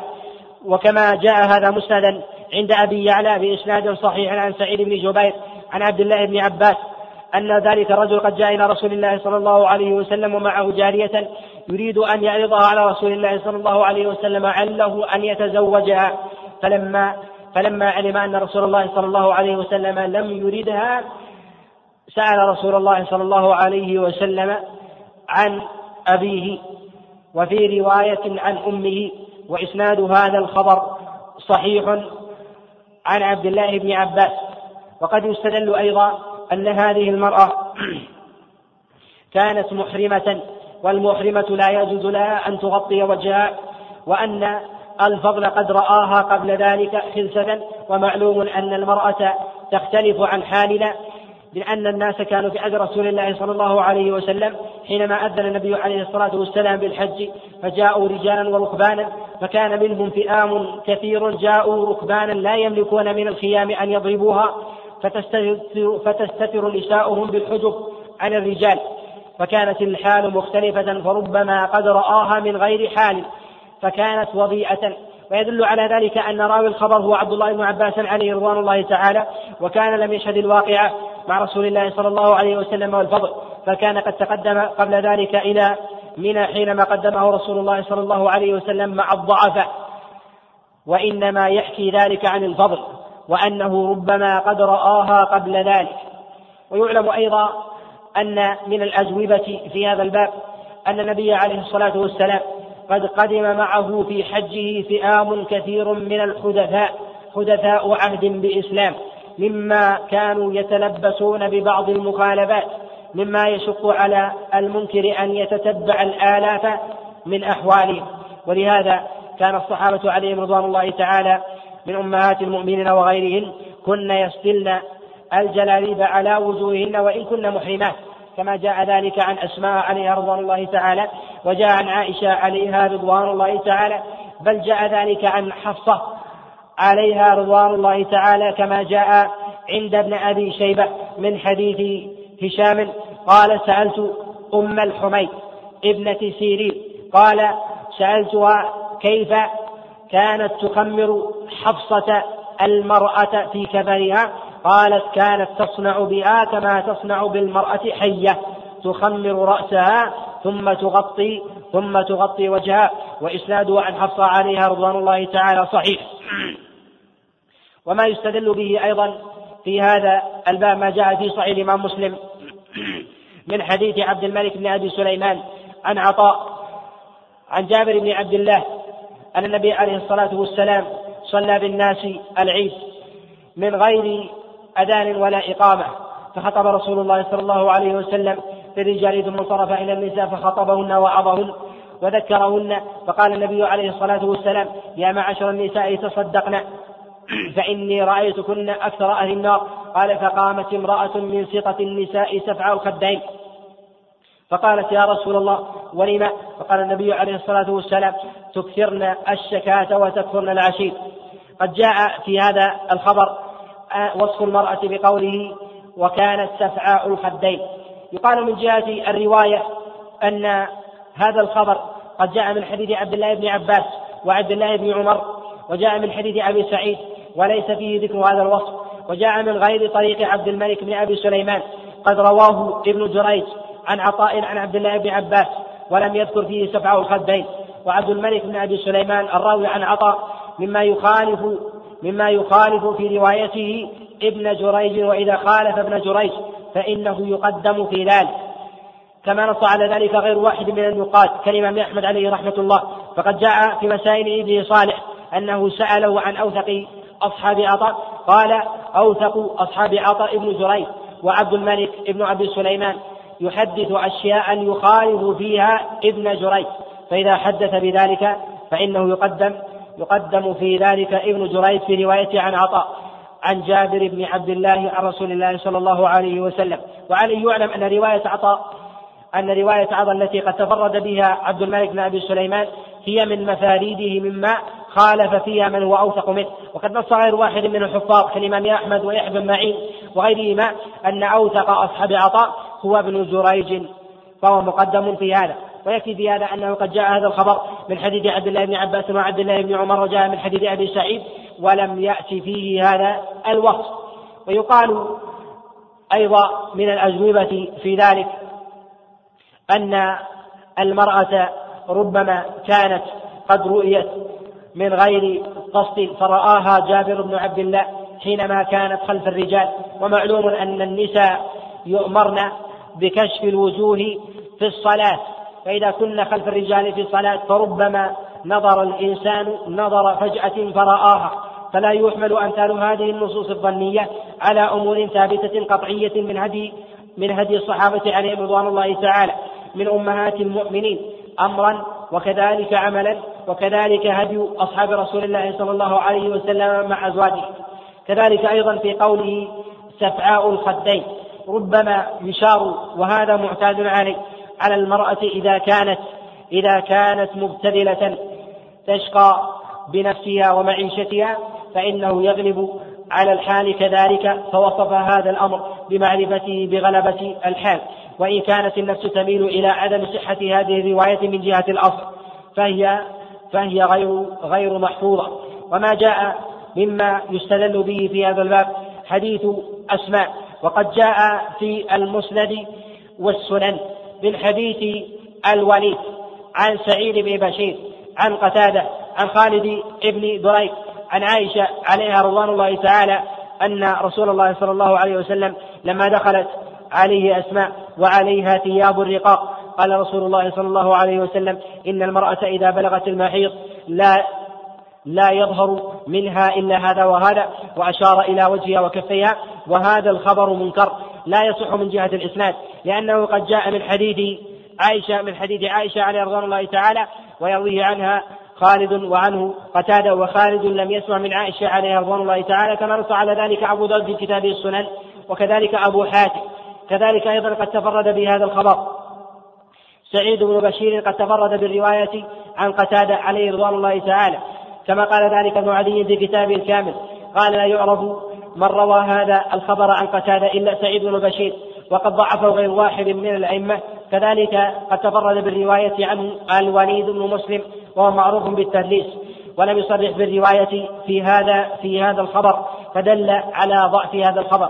ثم أن سعيد بن بشير ما يدل على وهم في هذا أنه قد خولف في روايته هذه. فروى هذا الخبر هشام الدستوائي ومعمر بن راشد الأزدي عن قتادة مرسلا عن رسول الله صلى الله عليه وسلم وهو الصواب. إذا فلا يصح هذا الخبر من جهة من جهة الإسناد. وقد جاء من وجه آخر عند البيهقي وكذلك الطبراني من حديث من حديث ابن لهيعة عن عن عياض عن إبراهيم عن أبيه قال أظنه عن أسماء. وهذا الخبر في إسناده عبد الله بن لهيعة وهو مضاعف لا يحتج به. عند عامة العلماء إذا روى عنه غير قدماء أصحابه وعند المحققين منهم أنه لا تقبل روايته على وجه الإطلاق وقد تفرد بهذا الوجه.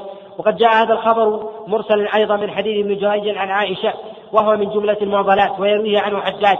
وقد روى هذا الخبر ابن جرير الطبري في كتابه التفسير. ومعضلات ابن جريج هي شبيهة بالموضوعات. ولهذا قال الإمام أحمد عليه رحمة الله معضلات أو مراسيل ابن جريج هي شبيهة بالموضوعات أي أنه ربما تفرد بشيء بشيء يكون في حكم الموضوع. عليه لا يمكن أن يعضل مرسل أو معضل ابن جريج مرسل قتادة عن عائشة عليها رضوان الله تعالى لأن قتادة من متوسط التابعين. ويغلب بالرواية أنه بينه وبين عائشة أكثر من اثنين. فإنه قد يروي هذا الخبر عن خالد عن خالد عن عائشة وخالد لم يسمع من عائشة. حينئذ فيكون سماعه سماعه منها بعيد جدا.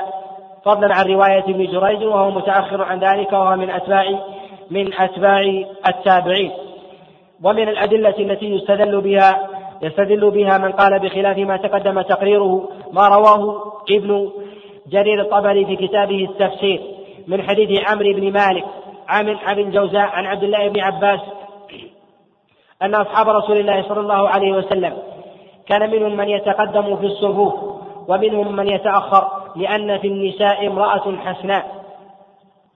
فيتأخر بعض أصحاب رسول الله صلى الله عليه وسلم فينظرون إليها من من آباطهم. يقول عبد الله بن عباس عليه رضوان الله تعالى وكانت من النساء من أحاسن النساء بل لم أرى مثلها حسنا. وهذا الخبر قد تفرد به عمر بن مالك عن أبي الجوزاء عن عبد الله ابن عباس عليه رضوان الله تعالى. وهذا الخبر يرويه عن عمر نوح بن قيس وقد خولف فيه رواه جعفر بن سليمان عن عمرو عن أبي الجوزاء مرسلا ولم يروه مسندا وهذا هو الصواب. صواب ذلك الإمام الترمذي عليه رحمة الله تعالى في كتابه السنن. وقد روى هذا الخبر من هذا الوجه الإمام عبد الرزاق في كتابه في كتابه المصنف.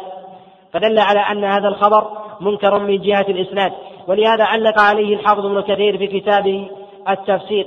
قال وهذا الحديث شديد النكارة. ما يدل على نكارة متنه أن سبب النزول في هذه الآية التي أشار إليها عبد الله بن عباس عليه رضوان الله تعالى ولقد علمنا المستقدمين منكم ولقد علمنا ولقد علمنا المستأخرين أنها من آية من سورة من سورة الحجر وسورة الحجر مكية. ولم يكن حينئذ صلاة يشهدها النساء فدل على نكارة هذا الخبر. وما يدل على نكارته أيضا أن هذه السورة مجمل ما فيها من آيات هي من قصص الآيات من قصص الأمم السابقة. كذلك وعظ المشركين وتذكيرهم بالله سبحانه وتعالى وهذا لم يكن في المدينة وإنما كان بمكة. فدل فدل على أن هذه الرواية هي من من المنكرات من جهة من جهة الإسناد ومن جهة المتن. ومما يستدل به أيضا من يقول بخلاف ما تقدم تقريره ما رواه ابن جرير الطبري في كتابه تهذيب الآثار من حديث عكرمة عن عمران بن حصين قالت جاءت فاطمة بنت رسول الله صلى الله عليه وسلم إلى رسول الله صلى الله عليه وسلم فنظرت إلى وجهها فرأيت الدم قد ذهب من وجهها قالوا في هذا الدليل أنه قد نظر إلى وجهها فيقال أن هذا الخبر مع نكارة إسناده فإن مع نكارة إسناده ومتنه فإنه من جهة الإسناد معلول. فعكرمة لا يصح سماعه من عمران بن حصين عليه رضوان الله تعالى. فإن عكرمة لا تصح له رواية ولا أعلم من ذكر روايته عن عمران بن حصين. فإن النقاد يذكرون روايته عن سعد بن أبي وقاص ويقولون لم يسمع عكرمة من سعد بن أبي وقاص. وسعد قد توفي بعد عمران بن حصين بسنتين أو نحو ذلك وعمران قد توفي قبل ذلك فهو, فهو لم يسمع من عمران من باب من باب أولى. ومما يستدل به من قال بهذا القول ما جاء في الصحيح من حديث جرير أن النبي عليه الصلاة والسلام نهى نهى عن النظرة إلا نظر الفجأة وكذلك قالوا في قوله سبحانه وتعالى قل للمؤمنات يغضضن من أبصارهن وفي قوله جل وعلا للمؤمنين يغضوا من أبصارهم ويحفظوا فروجهم قالوا لما أمر الله عز وجل المؤمنين أن يغضوا من أبصارهم دل ذلك على أن النساء كاشفات الوجوه وإلا لو كن مستترات لما كان ثمة أمر يقال أن الله سبحانه وتعالى أمر أمر المؤمنين بأن يغضوا من أبصارهم حال رؤية العورات على وجه العموم سواء كانت عورات الرجال أو عورات النساء. وكذلك أن يحفظوا فروجهم على الإطلاق. وإن كان الإنسان يتمكن أو لا يتمكن من المنكر مع وجود المنكر واضطرار وقوعه في أحوال الناس. فإن الناس ليسوا على على السواء. ولو قيل بأن الله عز وجل قد أمر النساء بالاحتجاب ثم أمر الرجال بإطلاق البصر مع تيقن وجود المخالف من النساء والرجال على مر العصور لما كانت الشريعة حينئذ كاملة. ولهذا قد روى البخاري من سعيد من حديث سعيد بن الحسن عن الحسن البصري أنه سئل قال إن نساء العجم يكشفن وجوههن وصدورهن وشعورهن فقال اغضض بصرك قل للمؤمنين يغضوا من أبصارهم ما يدل على أن ذلك يقع ينصرف على وجه العموم. للنساء المقصرات في هذا الباب كذلك للنساء للنساء من نساء المشركين. فإن المؤمنين مخاطبون بأن يغضوا أبصارهم وأن لا يطلقوها على العورات على وجه العموم سواء كان ذلك مما يتعلق بالنساء أو بالرجال. ومما يستدل به أيضا القائلون في هذا الباب تلك المرأة التي جاءت إلى رسول الله صلى الله عليه وسلم تعرض نفسها قالوا فصوب رسول الله صلى الله عليه وسلم نظره ثم أطرق قالوا فلما نظر رسول الله صلى الله عليه وسلم إليها دل على أنها كاشفة قالوا أن هذا لا يستلزم من ذلك شيئا. فربما أن النبي عليه الصلاة والسلام نظر إلى جسدها ومعلوم أن من دواء النكاح أن ينظر الإنسان إلى جسد المرأة فيعلم حالها من طول وقصر وكذلك وبدانة ونحافة فإن هذا من دواعي النكاح. بل أنه مما يدل على باطن المرأة. وربما قد نظر رسول الله صلى الله عليه وسلم إلى ما يبدو منها عادة من كفيها حتى يعلم باطنها فإن هذا مما ينظر إليه الإنسان عادة فيعلم فيعلم حال ما خفي من المرأة. والاستدلال بأمثال هذه الأمور الظنية لا يقاوم الأدلة الصريحة الواردة الواردة في ذلك. ومن الأدلة التي يستدلون بها ما جاء عن المفسرين في تأويل قول الله عز وجل ولا يبدين زينتهن إلا ما ظهر منها ما جاء عن عبد الله بن عباس عليه رضوان الله تعالى أنه قال الوجه والكفين قد جاء هذا عن عبد الله بن عباس من عدة طرق منها ما رواه البيهقي في كتابه السنن من حديث أحمد بن عبد الجبار عن حفص بن قياس عن عبد الله بن مسلم عن سعيد بن جبير عن عبد الله بن عباس. وهذا معلول بعلل. أولا قد تفرد به أحمد بن عبد الجبار وقد ضاعفه الإمام أحمد ويحيى بن معين وكذلك الإمام النسائي. وكذلك قد رواه عبد الله بن مسلم عن سعيد بن جبير وقد ضاعفه غير واحد من الأئمة كيحيى بن معين فهو لا يصح من هذا الوجه. وقد روي من وجه آخر كما رواه ابن جرير الطبري من حديث مسلم الملائي عن سعيد بن جبير عن عبد الله بن عباس وتفرد به مسلم وهو ضعيف أيضا. ومما يدل على ضعف هذا الوجه أنه قد روي عن عبد الله بن عباس ما يخالف ذلك بإسناد صحيح. ما رواه ابن جرير الطبري وابن أبي حاتم وكذلك ابن منذر وغيرهم من حديث معاوية بن صالح عن علي بن أبي طلحة عن عبد الله بن عباس أنه قال في قول الله سبحانه وتعالى وليضربن بخمرهن على جيوبهن قال أمر الله عز وجل نساء المؤمنين أن لا يخرجن إلا لحاجة فإن خرجن أن يغطين وجوههن وأن لا يبدين إلا عينا إلا عينا واحدة وجاء ذلك عند الإمام الشافعي عليه رحمة الله من وجه آخر. من حديث سعيد بن مسلم عن ابن جريج عن عطاء عن عبد الله بن عباس أنه سئل عن المرأة تغطي وجهها حال إحرامها وكيف تغطي ذلك. قال فأخذ قال فأخذ بردائه وغطى وجهه. قال وأبدى عينا واحدة وجاء من وجه أيضا من وجه آخر من حديث ابن جريج عن عطاء عن عبد الله بن عباس بنحو ذلك. وروي أيضا عن بعض أصحاب عبد الله بن عباس بنحو هذا المعنى من المختصين بأقواله كطاووس بن كيسان فيما رواه الشافعي وكذلك البيهقي من حديث ابن جريج عن عبد الله بن طاووس عن أبيه أنه قال في المرأة المحرمة تغطي وجهها قال فقال تسدل تسدل الخمار على وجهها ولا تضرب به وكذلك ما جاء عن عبيدة السلماني وهو من الطبقة المتقدمة من التابعين كما رواه ابن جرير الطبري من حديث محمد بن سيرين.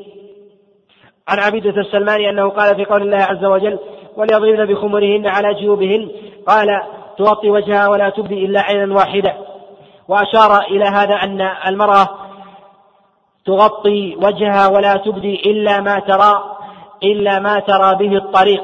وروي هذا نحو هذا المعنى كما تقدم عن غير واحد من المفسرين كعن السدي وكذلك عن عكرمة وعن الحسن وعن عامر. وغيرهم من من المفسرين. وروي نحو هذا التفسير. الأول الذي قد رواه مسلم عن سعيد بن جبير عن عبد الله بن عباس عن عبد الله بن عمر عليه رضوان الله تعالى كما رواه ابن جرير الطبري من حديث هشام. عن نافع عن عبد الله بن عمر أنه قال بالزنا الوجه والكفين. ويقال أن لفرض ثبوت ذلك عن عبد الله بن عمر وعبد الله بن عباس. فقد اختلف المفسرون في مراد عبد الله بن عباس وعبد الله بن عمر بتأويل ذلك. بتأويل ذلك بقوله الوجه والكفين. هل هو ينصرف إلى قوله ولا يبدين زينتهن أن هذه من الزينة التي لا تظهر؟ أم هو مما مما استثني إلا ما ظهر منها؟ وإذا كان مما استثني إلا ما ظهر منها هل هو للبعولة وللأزواج؟ ولما يحل للمرأة أن تظهر ذلك عادة أم هو لسائر الناس؟ قد جاءت الرواية عن عبد الله بن عباس عليه رضوان الله تعالى أنه خاص بأهلها مما يدخل عليها كما رواه ابن جرير الطبري من حديث عبد الله بن صالح من حديث عبد الله بن صالح عن معاوية بن صالح عن علي بن أبي طلحة عن عبد الله بن عباس قال وما عدا ذلك يعني الكحل والخضاب والخاتم قال لا تبديه إلا لمن دخل عليها من ناسها. يعني من أهلها وأنها تحتجب فيما عدا ذلك ويدل عليها الرواية الصريحة ما تقدم الإشارة إليه. وثبت هذا المعنى عن عبد الله ابن مسعود عليه رضوان الله تعالى ما تقدم الإشارة إليه بإسناد صحيح عند ابن جرير الطبري وكذلك ابن أبي حاتم عن عبد الله بن عباس عليه رضوان عن عبد الله بن مسعود عليه رضوان الله تعالى أنه قال في الزينة أن الثياب والزينة الواردة في هذه الآية قال العلماء في هذا عدة معاني. وخلاصة ذلك أنها لا تخلو من معنيين. من ظاهر لا يتصل ببدن المرأة ولا يلزم منه رؤية شيء من بدنها. وإما باطل فيكون هذا الباطل يلزم منه رؤية شيء من بدنها. أو ما يكون هو مما يماس البدن. وأما الظاهر فهو الثياب. وما يظهر عادة من المرأة فيجوز للمرأة أن تظهر ذلك من ثيابها. فلا حرج على المرأة أن تظهر الثياب. وأن تبرز فيها وإن كانت من جهة الثياب هذه حسنة إذا كانت لا تشف ولا تصف الجسد فإنه لا حرج عليها من إبدائها لأنها مما استثني كما جاء النص عليه عن غير واحد من المفسرين. وأما المعنى الآخر فهو إما ما يكون من جسد المرأة وهو الوجه والكفين وتقدم الكلام عليه. وأما أن يكون ما يلزم منه رؤية شيء من بدن المرأة وهو ما نص عليه غير واحد من المفسرين كرؤية الخاتم والخلخال والقلادة وكذلك الكحل والخضاب. قالوا ويلزم من رؤية الخضاب رؤية الكف ويلزم من رؤية الكحل رؤية آه رؤية العينين ويلزم من رؤية الخلخال رؤية الرجل. وهذا من جهة الأصل. ليس بلازم على الإطلاق فإن الرجل قد يرى كحل المرأة المتنقبة. ويميزها عن غيرها أنها كانت مكتحلة كما جاء في حديث سبيعة الأسلمية عليها رضوان الله تعالى كما جاء في الصحيح. حينما رآها أبو السنابل وقد تكحلت واختضبت وقد احتج بهذا الخبر من قال بأنها كاشفة لوجهها وفي هذا نظر فإن الخضاب يكون باليد وقد ترى المرأة بخضابها وقد ترى مكتحلة بنقابها ولا يرى وجهها والاستدلال بأمثال هذه الأدلة الظنية التي لا تستلزم استلزاما لا ينفك من كشف المرأة لوجهها مع ظهور الأدلة وتفسير السلف من الصحابة وغيرهم على ما تقدم الإشارة إليه مما هو أظهر وأشهر عن أصحاب رسول الله صلى الله عليه وسلم واعتقد به الأدلة. فهو أولى فهو أولى بأن يصار بأن يصار إليه. وأما ما ينبغي في مقام هذه المسألة في من جهة النظر والنقد حال تأمل الإنسان في أدلة المخالفين. ينبغي أن يعلم أن أمثال هذه المسائل قد دخل فيها العلماء وطلاب العلم وأنصاف المتعلمين وكثير من الفسقة والشهوانيين. لهذا تنوع خطاب العلماء بهذه المسائل من جهة التقرير والنقد والمباحثة بين تغليظ وردع باختلاف الباحثين في هذه المسائل. وليعلم أنه ما من أحد حتى وإن كان من أرباب الفرق الضالة. فضلا عمن كان من أهل العلم عمن يستدل بشيء من فروع هذا الدين. إلا وله من الأدلة الظاهرة من كلام الله عز وجل وكلام رسول الله صلى الله عليه وسلم ما له فيه مستمسك. ولهذا يقول الشاطبي عليه رحمة الله قال ما من أحد من أهل الفرق الضالة إلا وله من الأدلة من كلام الله. بل أنه حتى من الفساق يستدلون بكلام الله عز وجل وكلام رسول الله صلى الله عليه وسلم لأدل لآرائهم من الأدلة الظاهرة تسويغا لأقوالهم. وهذا إذا علم يعلم أنه ينبغي حال تقرير هذه المسائل أن يكون الإنسان عالما بأدلة المخالفين كذلك عالما للراجح والمرجوح وعالما لوجه الرجحان عند القول بالراجح وكذلك وجه عدم رجاحة القول المرجوح ونقده والتماس العذر للمخالفين بأدب عند النقاش ومعرفة حال المخالف في هذه المسألة وليعلم أن هذه المسألة قد خاض فيها كثير من أرباب الهوى خاصة في أزماننا واحتجوا بحجج واهية وتمسكوا بأدلة متنوعة باجتزاء كلام الأئمة في عورة المرأة في الصلاة أو في الإحرام ونحو ذلك أو التمسك بأدلة ورواية تاريخية ونحو هذا ومن الغرائب استدلال كثير من من يستدل ممن يستدل على خلاف ما تقدم تقريره بقضايا في التاريخ وأن عمل الناس كان كان على خلاف هذا القول. أولا ليعلم أن عمل الناس لا يمكن أن يضبط بحال حتى يعرف أحوال القرون قرنا قرنا. وأما إذا كان الإنسان يستدل بأحوال الناس المشاهدة فإن النبي عليه الصلاة والسلام قد أخبر أنه سيأتي في هذه الأمة كما جاء في صحيح الإمام مسلم من حديث سعيد أبي صالح عن النبي عن أبي هريرة نساء كاسيات عاريات مائلات مميلات رؤوسهن كأسلمة البخت ولهذا قال النبي عليه الصلاة والسلام صنفان من أهل النار لم أرهما وبين النبي عليه الصلاة والسلام أن هؤلاء لا يرون وإذا كان النبي عليه الصلاة والسلام قد بين أن الناس في آخر الزمان يعبدون اللات والعزى كما جاء في الصحيح أن النبي عليه الصلاة والسلام قال لا تقوم الساعة حتى تعبد اللات والعزى. فإذا عبدت اللات والعزى وهي متعلقة بالتوحيد مناقضة لأصل الإسلام فهل يستدل الإنسان بشيء من من وقائع العصر؟ لا شك أن مثل هذا يفتقر إلى يفتقر إلى دراية بمعرفة مراتب مراتب القرون وأحوالهم قرنا قرنا. ولهذا قد أخبر النبي عليه الصلاة والسلام أنه ربما يأتي بعصر من العصور لا يعلم من دين الإسلام شيئا كما روى الإمام ابن ماجه في كتابه السنن من حديث ربعي عن حذيفة عليه رضوان الله تعالى. قال قال رسول الله صلى الله عليه وسلم يدرس الإسلام كما يدرس وشي الثوب حتى لا يدرى ما صلاة ولا صيام ولا نسك ولا صدقة. إلا شيخ كبير وعجوز يقولون أدركنا آباءنا يقولون لا إله إلا الله. قال ربعي وما ما تنجيهم وما تنفعهم لا إله إلا الله. قال تنجيهم من النار لا أبالك إذا علم أن المنكر قد يشيع في الناس وأن أركان الإسلام قد قد تخفى على أناس في هذه الأرض في جيل من الأجيال كما أخبر النبي عليه الصلاة والسلام فهل يحتج بقول بقول وفعل أناس في مجتمع وبيئة من الناس؟ لا شك أن هذا لا يحتج به. ثم أنه ليعلم أن القرون الماضية التي سبقت قرون الاستعمار وغزوات الغرب على بلاد الإسلام كانوا على ستر وحياء تام. كما نص على ذلك أهل المعرفة.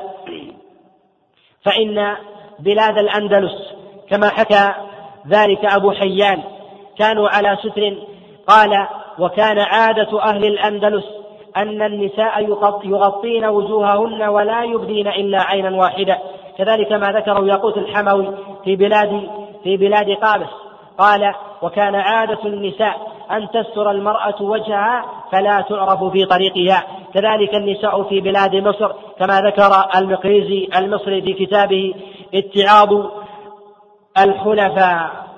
بأخبار الخلفاء قال في عام 395 من من هجرة النبي عليه الصلاة والسلام أمر بمصر أن تضرب الأجراس وأن ينادى ألا تخرج المرأة كاشفة لوجهها. وأن لا يدخل رجل حمام إلا بمئزر. كذلك أيضا في بلاد المغرب كما حكى ذلك أبو بكر ابن العربي كذلك القرطبي في كتابه التفسير حينما أشار إلى أن عادة النساء أنهن كن يغطين وجوههن بل أن هذا معروف عند سائر أهل الفطر السليمة حتى من أرباب الملل والديانات سواء في بلاد سواء في بلاد العجم التي لم يصل إليها الإسلام. فإن السفور فيهم ما كان إلا إلا بعد ذلك. سواء كان في بلاد الهند أو السند أو المغرب الأقصى فإن كثيرا من نسائهم كانوا كانوا على حجاب وستر تام. ويكفي أن نساء المسلمين في أقصى ما وصل إليه ما وصلت إليه بلاد المسلمين. في بلاد الأندلس كن على حجاب وتغطية للوجوه حتى بعد ورود المستعمرين إليهم بعشرات السنين حتى أكرههم المستعمر على ذلك. وينبغي أن يعلم أن أحوال كثير من بلاد المسلمين في الشام وفي مصر وفي العراق وفي المغرب وفي البلاد التي قد طمس فيها الإسلام كالأندلس أنها قد تغيرت عن حالها بفعل المستعمر وأهل الأهواء وأن أحوال تلك البلاد كانت تنقص شيئا فشيئا سواء بعمل بعمل المستعمرين أو بعمل الدعاة الذين دعوا إلى باطل ممن تأثروا بدعوات المستعمرين. ونحن في زماننا هذا نشهد شيئا من ذلك من الدعوات الظاهرة إلى كشف العورات والتقليل لشانها. حتى اعتاد كثير من الناس. رؤية النساء سافرات ظاهرات شعورهن وهذا لا شك أنه عين المنكر الذي قد أجمع العلماء عليه. وليعلم أن أكثر من يرد هذه المسائل في وسائل الإعلام خاصة هو من هو ممن لا يقيم للمجمع عليه حرمة. فيناقشون في الفروع من تغطية المرأة لكفيها ووجهها وهم لا يرون بإظهار بقية الأجساد شيئا.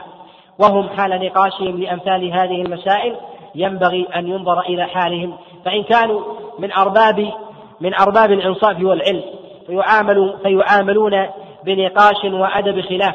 وإن كانوا من أهل الأهواء وهذا الغالب للطارقين لأمثال هذه المسائل خاصة في أزماننا ينظر إلى المسائل الأخرى. إذا كانوا ممن يقيمون للإجماع وزنا كانوا من أهل الإنصاف وإذا كانوا ممن لا يقيمون للخلاف والإجماع وزنا كانوا من أهل الأهواء ولهذا كان كثير منهم يدعو إلى أمثال هذه المسائل وأن أمثال هذه المسائل من المسائل الخلافية ويقدر ويريد الأدلة وهو لا يرى بل لا يغار على أحد من أهله إذا كشفت شعره إذا كشفت شعرها أو أبدت شيئا من محاسنها بل ربما يسعى إلى ذلك ويدعو إليه. لهذا ينبغي ألا يخدع كثير من أهل الإنصاف والعلم بالنظر إلى هذه المسألة باعتبار أن قال بها بعض العلماء فيريدون أمثال هذه الأقوال في مواضع هي أبعد ما تكون عن مسائل الخلاف. بل أن إظهار هذه المسائل خاصة في زمننا مما لا ينبغي للعاقل المنصف إظهاره. بل ينبغي أن يبين وأن يقرر إجماع الفقهاء من الفقهاء من المالكية والشافعية والحنابلة والحنفية أن هذه النصوص مما أجمع العلماء على أنه يجب على المرأة أن تستر جسدها كله حال وجود الفتنة ولا أظهر للفتنة منها في زمننا هذا. وكما يعلم أن الأمة في زمننا هذا خاصة تعيش نوعا من الاستعمار الثقافي. بوسائل الإعلام المتنوعة غزوا للفكر وهدما للدين وتقليلا للمسائل وتقليلا للمسائل الثابتة وتهويلا لشرائع الدين ونبشا لمسائل الخلاف وإظهارها ووصم من يخالف في هذه المسألة بعدم بعدم الإنصاف أو التشديد أو الغلو ونحو هذا. ولهذا يوجد في كتابات كثير من كثير من أهل الأهواء من يصف هذا الحجاب أنه حجاب البلدة الفلانية ونحو ذلك. وهؤلاء مع جهلهم بالتاريخ كما تقدم الإشارة تقدم الإشارة إليه جاهلون بالنصوص الواردة في كتب التاريخ قبل الإسلام وفي أشعار العرب والنصوص من الوحي عن الصحابة عليهم رضوان الله تعالى وفي كلام الله عز وجل وتأويل المفسرين من الصحابة عليهم رضوان الله تعالى. والتابعين وغيرهم من أئمة الإسلام. وينبغي أن يعلم أيضا أنهم ربما قللوا من شأن الحجاب على وجه العموم بوصفه أنه من عادة أهل التشبث أو من من عادة أهل البادية ونحو ذلك. أولا ليعلم أن هذه اللفظة بوصف الحجاب أنه من عادة أهل البادية لم يعلم هذا إلا بعد أن نال الاستعمار بلاد المسلمين. فحينما دخل الاستعمار في بلاد مصر وفي بلاد المغرب وبلاد الأندلس وظهر منهم من وصم ذلك بهذا الوصم. كان من تبع هؤلاء على هذا على هذا النهج. ويكفي أن المسلمين في أقصى ما وصل إليه المسلمون من البلاد. كنا النساء على حجاب تام وستر تام حتى جاء المستعمر فطمس تلك المعالم على وجه الإكراه تارة وعلى وجه الترغيب بمطامع الدنيا تارة أخرى. إذا كان هذا بأقاصي الدنيا فهو لمن كان دون ذلك من باب أولى ممن كانت فيه الخلافة قائمة نحوا من ثمانية من ثمانية قرون. فمن قدم إلى هذه البلدان ورآها وجد أن الإسلام قد قد طمس فيها أصولا أصولا وفروعا مع تمسك المسلمين في بلاد الأندلس خاصة بالحجاب وتغطية الوجه أكثر من سبعين من سبعين عاما. ولعل فيما تقدم الكلام عليه كفاية بالإيراد والنقاش وبالجملة أن ما تنكبناه من أدلة هو من جهة الأصل داخل فيها فإن الإطناب في إيراد الأدلة مع اتحادها من جهة الحجة والاحتجاج عند العلماء ليس من عادة العلماء في إيراد الخلاف ومناقشته وإنما يرد ذلك إذا انفرد أحد الأئمة بإيراد هذا الدليل ولم يحتج بغيره فإنه يبين على وجه الخصوص. وبالجملة فإن من استدل بالأدلة فإنه يشترك من جهة الاستدلال والاستنباط على ما تقدم الإشارة تقدمت الإشارة عليه. يقول نريد التعريف المصطلح بالاستعمار الثقافي وهل هو نفسه الغزو الفكري؟ وما الفرق بينهما؟ الغزو الفكري الغزوة والغزو يقال في حال وجود الصراع القائم ولكن من نظر إلى لفظة استعمار هي مشتقة من العمارة وهذا لفظ استشراقي وهو أقرب إلى الهدم ولكن هو اصطلاح قد جرى فلا حرج من السير عليه لمعرفة المعنى. والاستعمار المراد بذلك إتيان الكفر إلى بلاد المسلمين وحكمهم فيها وإنما قيل بالاستعمار الثقافي انفراد أهل الضلال والزيغ بنشر الثقافة في كثير من بلدان من بلدان المسلمين. ومن نظر إلى الاستعمار وإن كان قد خرج من بلاد المسلمين وجد أنهم متأصل في جذورهم حتى أن الحجاب واللغة بقيت فيهم على حال لم تتغير وظنوا أن آباءهم على هذه الحال.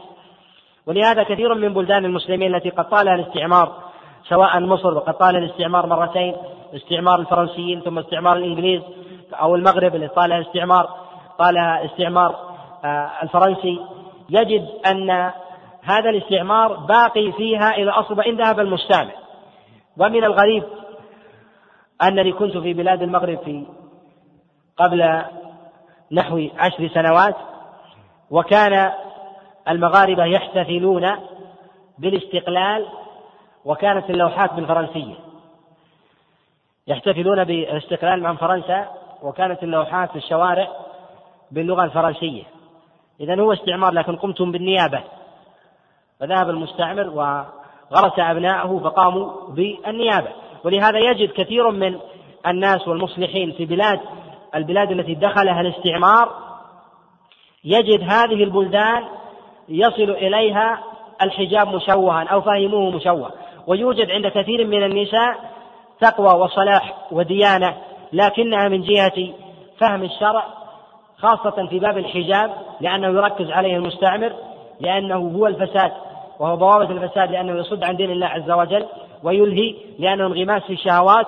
تجد أن كثيرا من النساء تحجب وجهها وتغطي الشعر لكنها لا تغطي الوجه وربما كشفت عن ساقيها أو لبست البنطال. هذا فهم للحجاب مشوه. لم يأتي على قول أحد من الفقهاء فظنوا أن الحجاب هو تغطية الوجه. وقد حدثني أحد الفضلاء أنه في آه، وكان في عمل إلى أحد البلدان التي قد نالها الاستعمار. يقول في عمل في آه، وكان هناك امرأة قد أبدت شيئا من فخذها.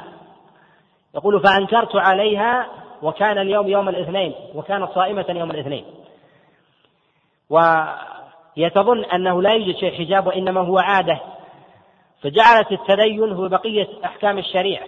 وهذا باقي إلى إلى يومنا هذا في كثير من من البلدان. ولهذا من بقي فيهم بيان هذه الأحكام من تلك من تلك البلاد إما أن يكون الحجاب بلغ إليهم مشوها وهذا يشاهد في كثير من البلدان الإسلامية الذين المرأة تضع الحجاب وكشفت عن عن الساق أو كشفت عن الركبة أو تلبس التنورة إلى الركبة وقد غطت شعرها فلا معنى فلا معنى إلى هذا. وكذلك من تلبس البنطال وقد غطت الشعر هذا لا شك أنه انحراف في فهم في فهم النصوص. يقول ما المرجح في نظر المرأة إلى الرجال؟ نظر المرأة إلى الرجال على قول جمهور العلماء أنه يجوز للمرأة أن تنظر إلى الرجل بلا شهوة. هذا قول الجمهور. وأن إذا كان لشهوة حرم. بخلاف نظر الرجل إلى المرأة فإنه لا يجوز على قول جمهور جمهور العلماء بل عامتهم. يقول هل ينكر على المخالف في هذا؟ نعم ينكر على المخالف. ينكر على المخالف في هذا كما أنكر السلف. في ذلك كما تقدم عن عبيد بن عمير. لو رأى امرأة فقال استتري. وكان من كبار الفقهاء يقول مجاهد بن جبر وهو من أئمة الفقهاء قال نفتخر بفقيهنا وقاضينا فقيهنا عبد الله بن عباس وقاضينا عبيد بن عمير. وقد روى عنه كبار التابعين كمجاهد بن جبر وأبي حازم وعطا وغيره. قل ما الفرق بين الأثر والخبر؟ من جهة الاصطلاح لا فرق بين الأثر والخبر. وبعضهم يجعل الخبر أعم والأثر ما كان موقوفا والذي يظهر والله أعلم استعمالات العلماء أنه لا فرق بين هذا وهذا ولكن ثمة فرق من جهة الاصطلاح بين الأثر والحديث. يقول امرأة تلبس الحجاب الشرعي ولكن من باب العادة وليس من باب العادة العبادة. لا تثاب على ذلك وتصون نفسها ويرتفع الإثم عنها. ذكرني الإخوة لقد أتيت بوثيقة تاريخية معي عن الأندلس. هذه كتابة في في الأندلس بعد الاستعمار. هذه النص الذي سأنقله هنا. ومن كتاب المورسكيون الأندلسيون ولكاتبة من أسبانيا. اسمها مرسيدس غارثيا أرينال وهو كتاب تاريخي مترجم يحكي حال المسلمات بعد الاستعمار بسبعين سنة في الأندلس التي هي أسبانيا الآن. تقول في عام تقول الترجمة في عام 1567 يعني ميلادي أذيعت في غرناطة سلسلة بنود وأوامر أهمها ما يلي. حظر اللباس المورسكي. مورسكي هو المسلمين الذين دخلوا في المسيحية. حظر اللباس المورسكي على الرجال والنساء وإلزام النساء بالإضافة إلى ذلك بكشف الوجه لأنه كنا قد غطينا الوجوه. قال في الزفاف وفي كل أنواع الاحتفالات تمنع رقصة السمرة وإقامة الليالي. أي تقوم الليالي بمصاحبة الآلات الغنائية. ويجب أن تظل أبواب البيوت مفتوحة وتمنع النساء من التخريب بالحناء وتحضر ويحضر استعمال الأسماء والألقاب الإسلامية. قال ويحضر على المرسكيين أن يكون لهم عبيد من المقاتلين الغرباء. وعلى الأحرار من هؤلاء المقاتلين مغادرة غرناطة في غضون ستة أشهر. يقول كما تقول كما نرى لم تكن تلك الإجراءات مجرد وسائل قمع بل كانت تهدف إلى إلغاء وجود الملسكيين كجماعة مختلفة ثقافيا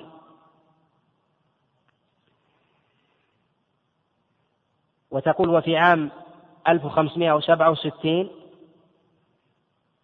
لم يكن هناك مجال للتأجيل. أرسل أحد أعيان المرسكيين إلى محكمة غرناطة مذكرة ننقل نصها. والمذكرة مودعة في مكتبة مدريد الوطنية. يقول في اعتباره اعتباره أهمية القضية يحاول تصوير هذه الخصائص على أنها مجرد عادات محلية. أي أنها تصور للمسلمين أنها ليست دين بل أنها عادات. وأن يسعى إلى أن يقبل اللباس الموريسكي كما يقبل الزي الخاص بقشتالة أو أراغون. وأن تقبل اللغة العربية كما تقبل اللغة الغاليثية هذا الكلام يدل على أنهم حددوا ذلك حتى في اللغة هي الوحيدة التي قد استثنوا فيها. وهذا التاريخ الذي قد ذكر له 1567 هذا بعد سقوط الأندلس بسبعين سنة. يعني أن النساء بعد سقوط الأندلس بسبعين سنة بقي النساء على على الحجاب. يقول هنا وكشف النساء لوجوههن وذلك لارتكاب المعصية. إذا رأوا الجمال أن يشتهونه. وهذا هو ما يدعو إليه أرباب الدعوات المعاصرة تارة كما فعل أسلافهم تارة بتصوير كثير من الأحكام الشرعية على أنها عادة أو عادة بلد فلاني ولا تخص هذا هذا البلد. كذلك أيضا بقولهم إنا وجدنا آباءنا على أمة آباؤنا على هذا الشيء. كل أمة يأتي الله عز وجل بنبي يبعث إليها ويجدد الدين ويطمس الدين ويأتي نبي جديد يستدلون بالآباء ولا يعرفون ما حدث من توحيد قبل ذلك لهذا كل نبي يأتي إلى قومه ويحاججهم كانت حجتهم واحدة إنا وجدنا آباءنا على أمة وإنا على آثارهم على آثارهم مقتدون يقول هل صحيح أن فتنة كشف الوجه لم تنتشر إلا في استعمار الفرنسي لمصر؟ نعم. كشف الوجه أصلا في مصر ما عرف إلا بعد الاستعمار. ولهذا يقول ابن حجر وهو مصري يقول عليه رحمة الله يقول ومن عادة النساء قديما وحديثا أن لا يخرجن سافرات الوجوه. وهذا مصري في القرن في القرن التاسع. وأشار إلى هذا المعنى نحو غيره من من فقهاء الشافعية قبل ذلك. وهذا يدل على أن هذا مما جلبه الاستعمار. وهل للمرأة أن تلبس البنطال أمام زوجها؟ نعم. للمرأة أن تلبس البنطال أمام زوجها ولها أن تتعرى أيضا. يقول ما حكم كشف المرأة لشارها أمام محارمها؟ لا حرج في ذلك. بعض المسائل المتداخلة خاصة مسألة النظر. أما لبس المرأة أمام الأجانب عنها البنطال فإن هذا محرم بالإجماع لأنه يصف يصف جسدها. وتقدم الإشارة إلى إلى هذا المعنى. في كلامنا هذا نحن لا نتكلم عن عورة المرأة بالنسبة للمرأة أو عورة المرأة عند محارمها لأن هذا ليس من مباحث هذه المحاضرة ونكتفي بهذا القدر وصلى الله وسلم وبارك على نبينا محمد.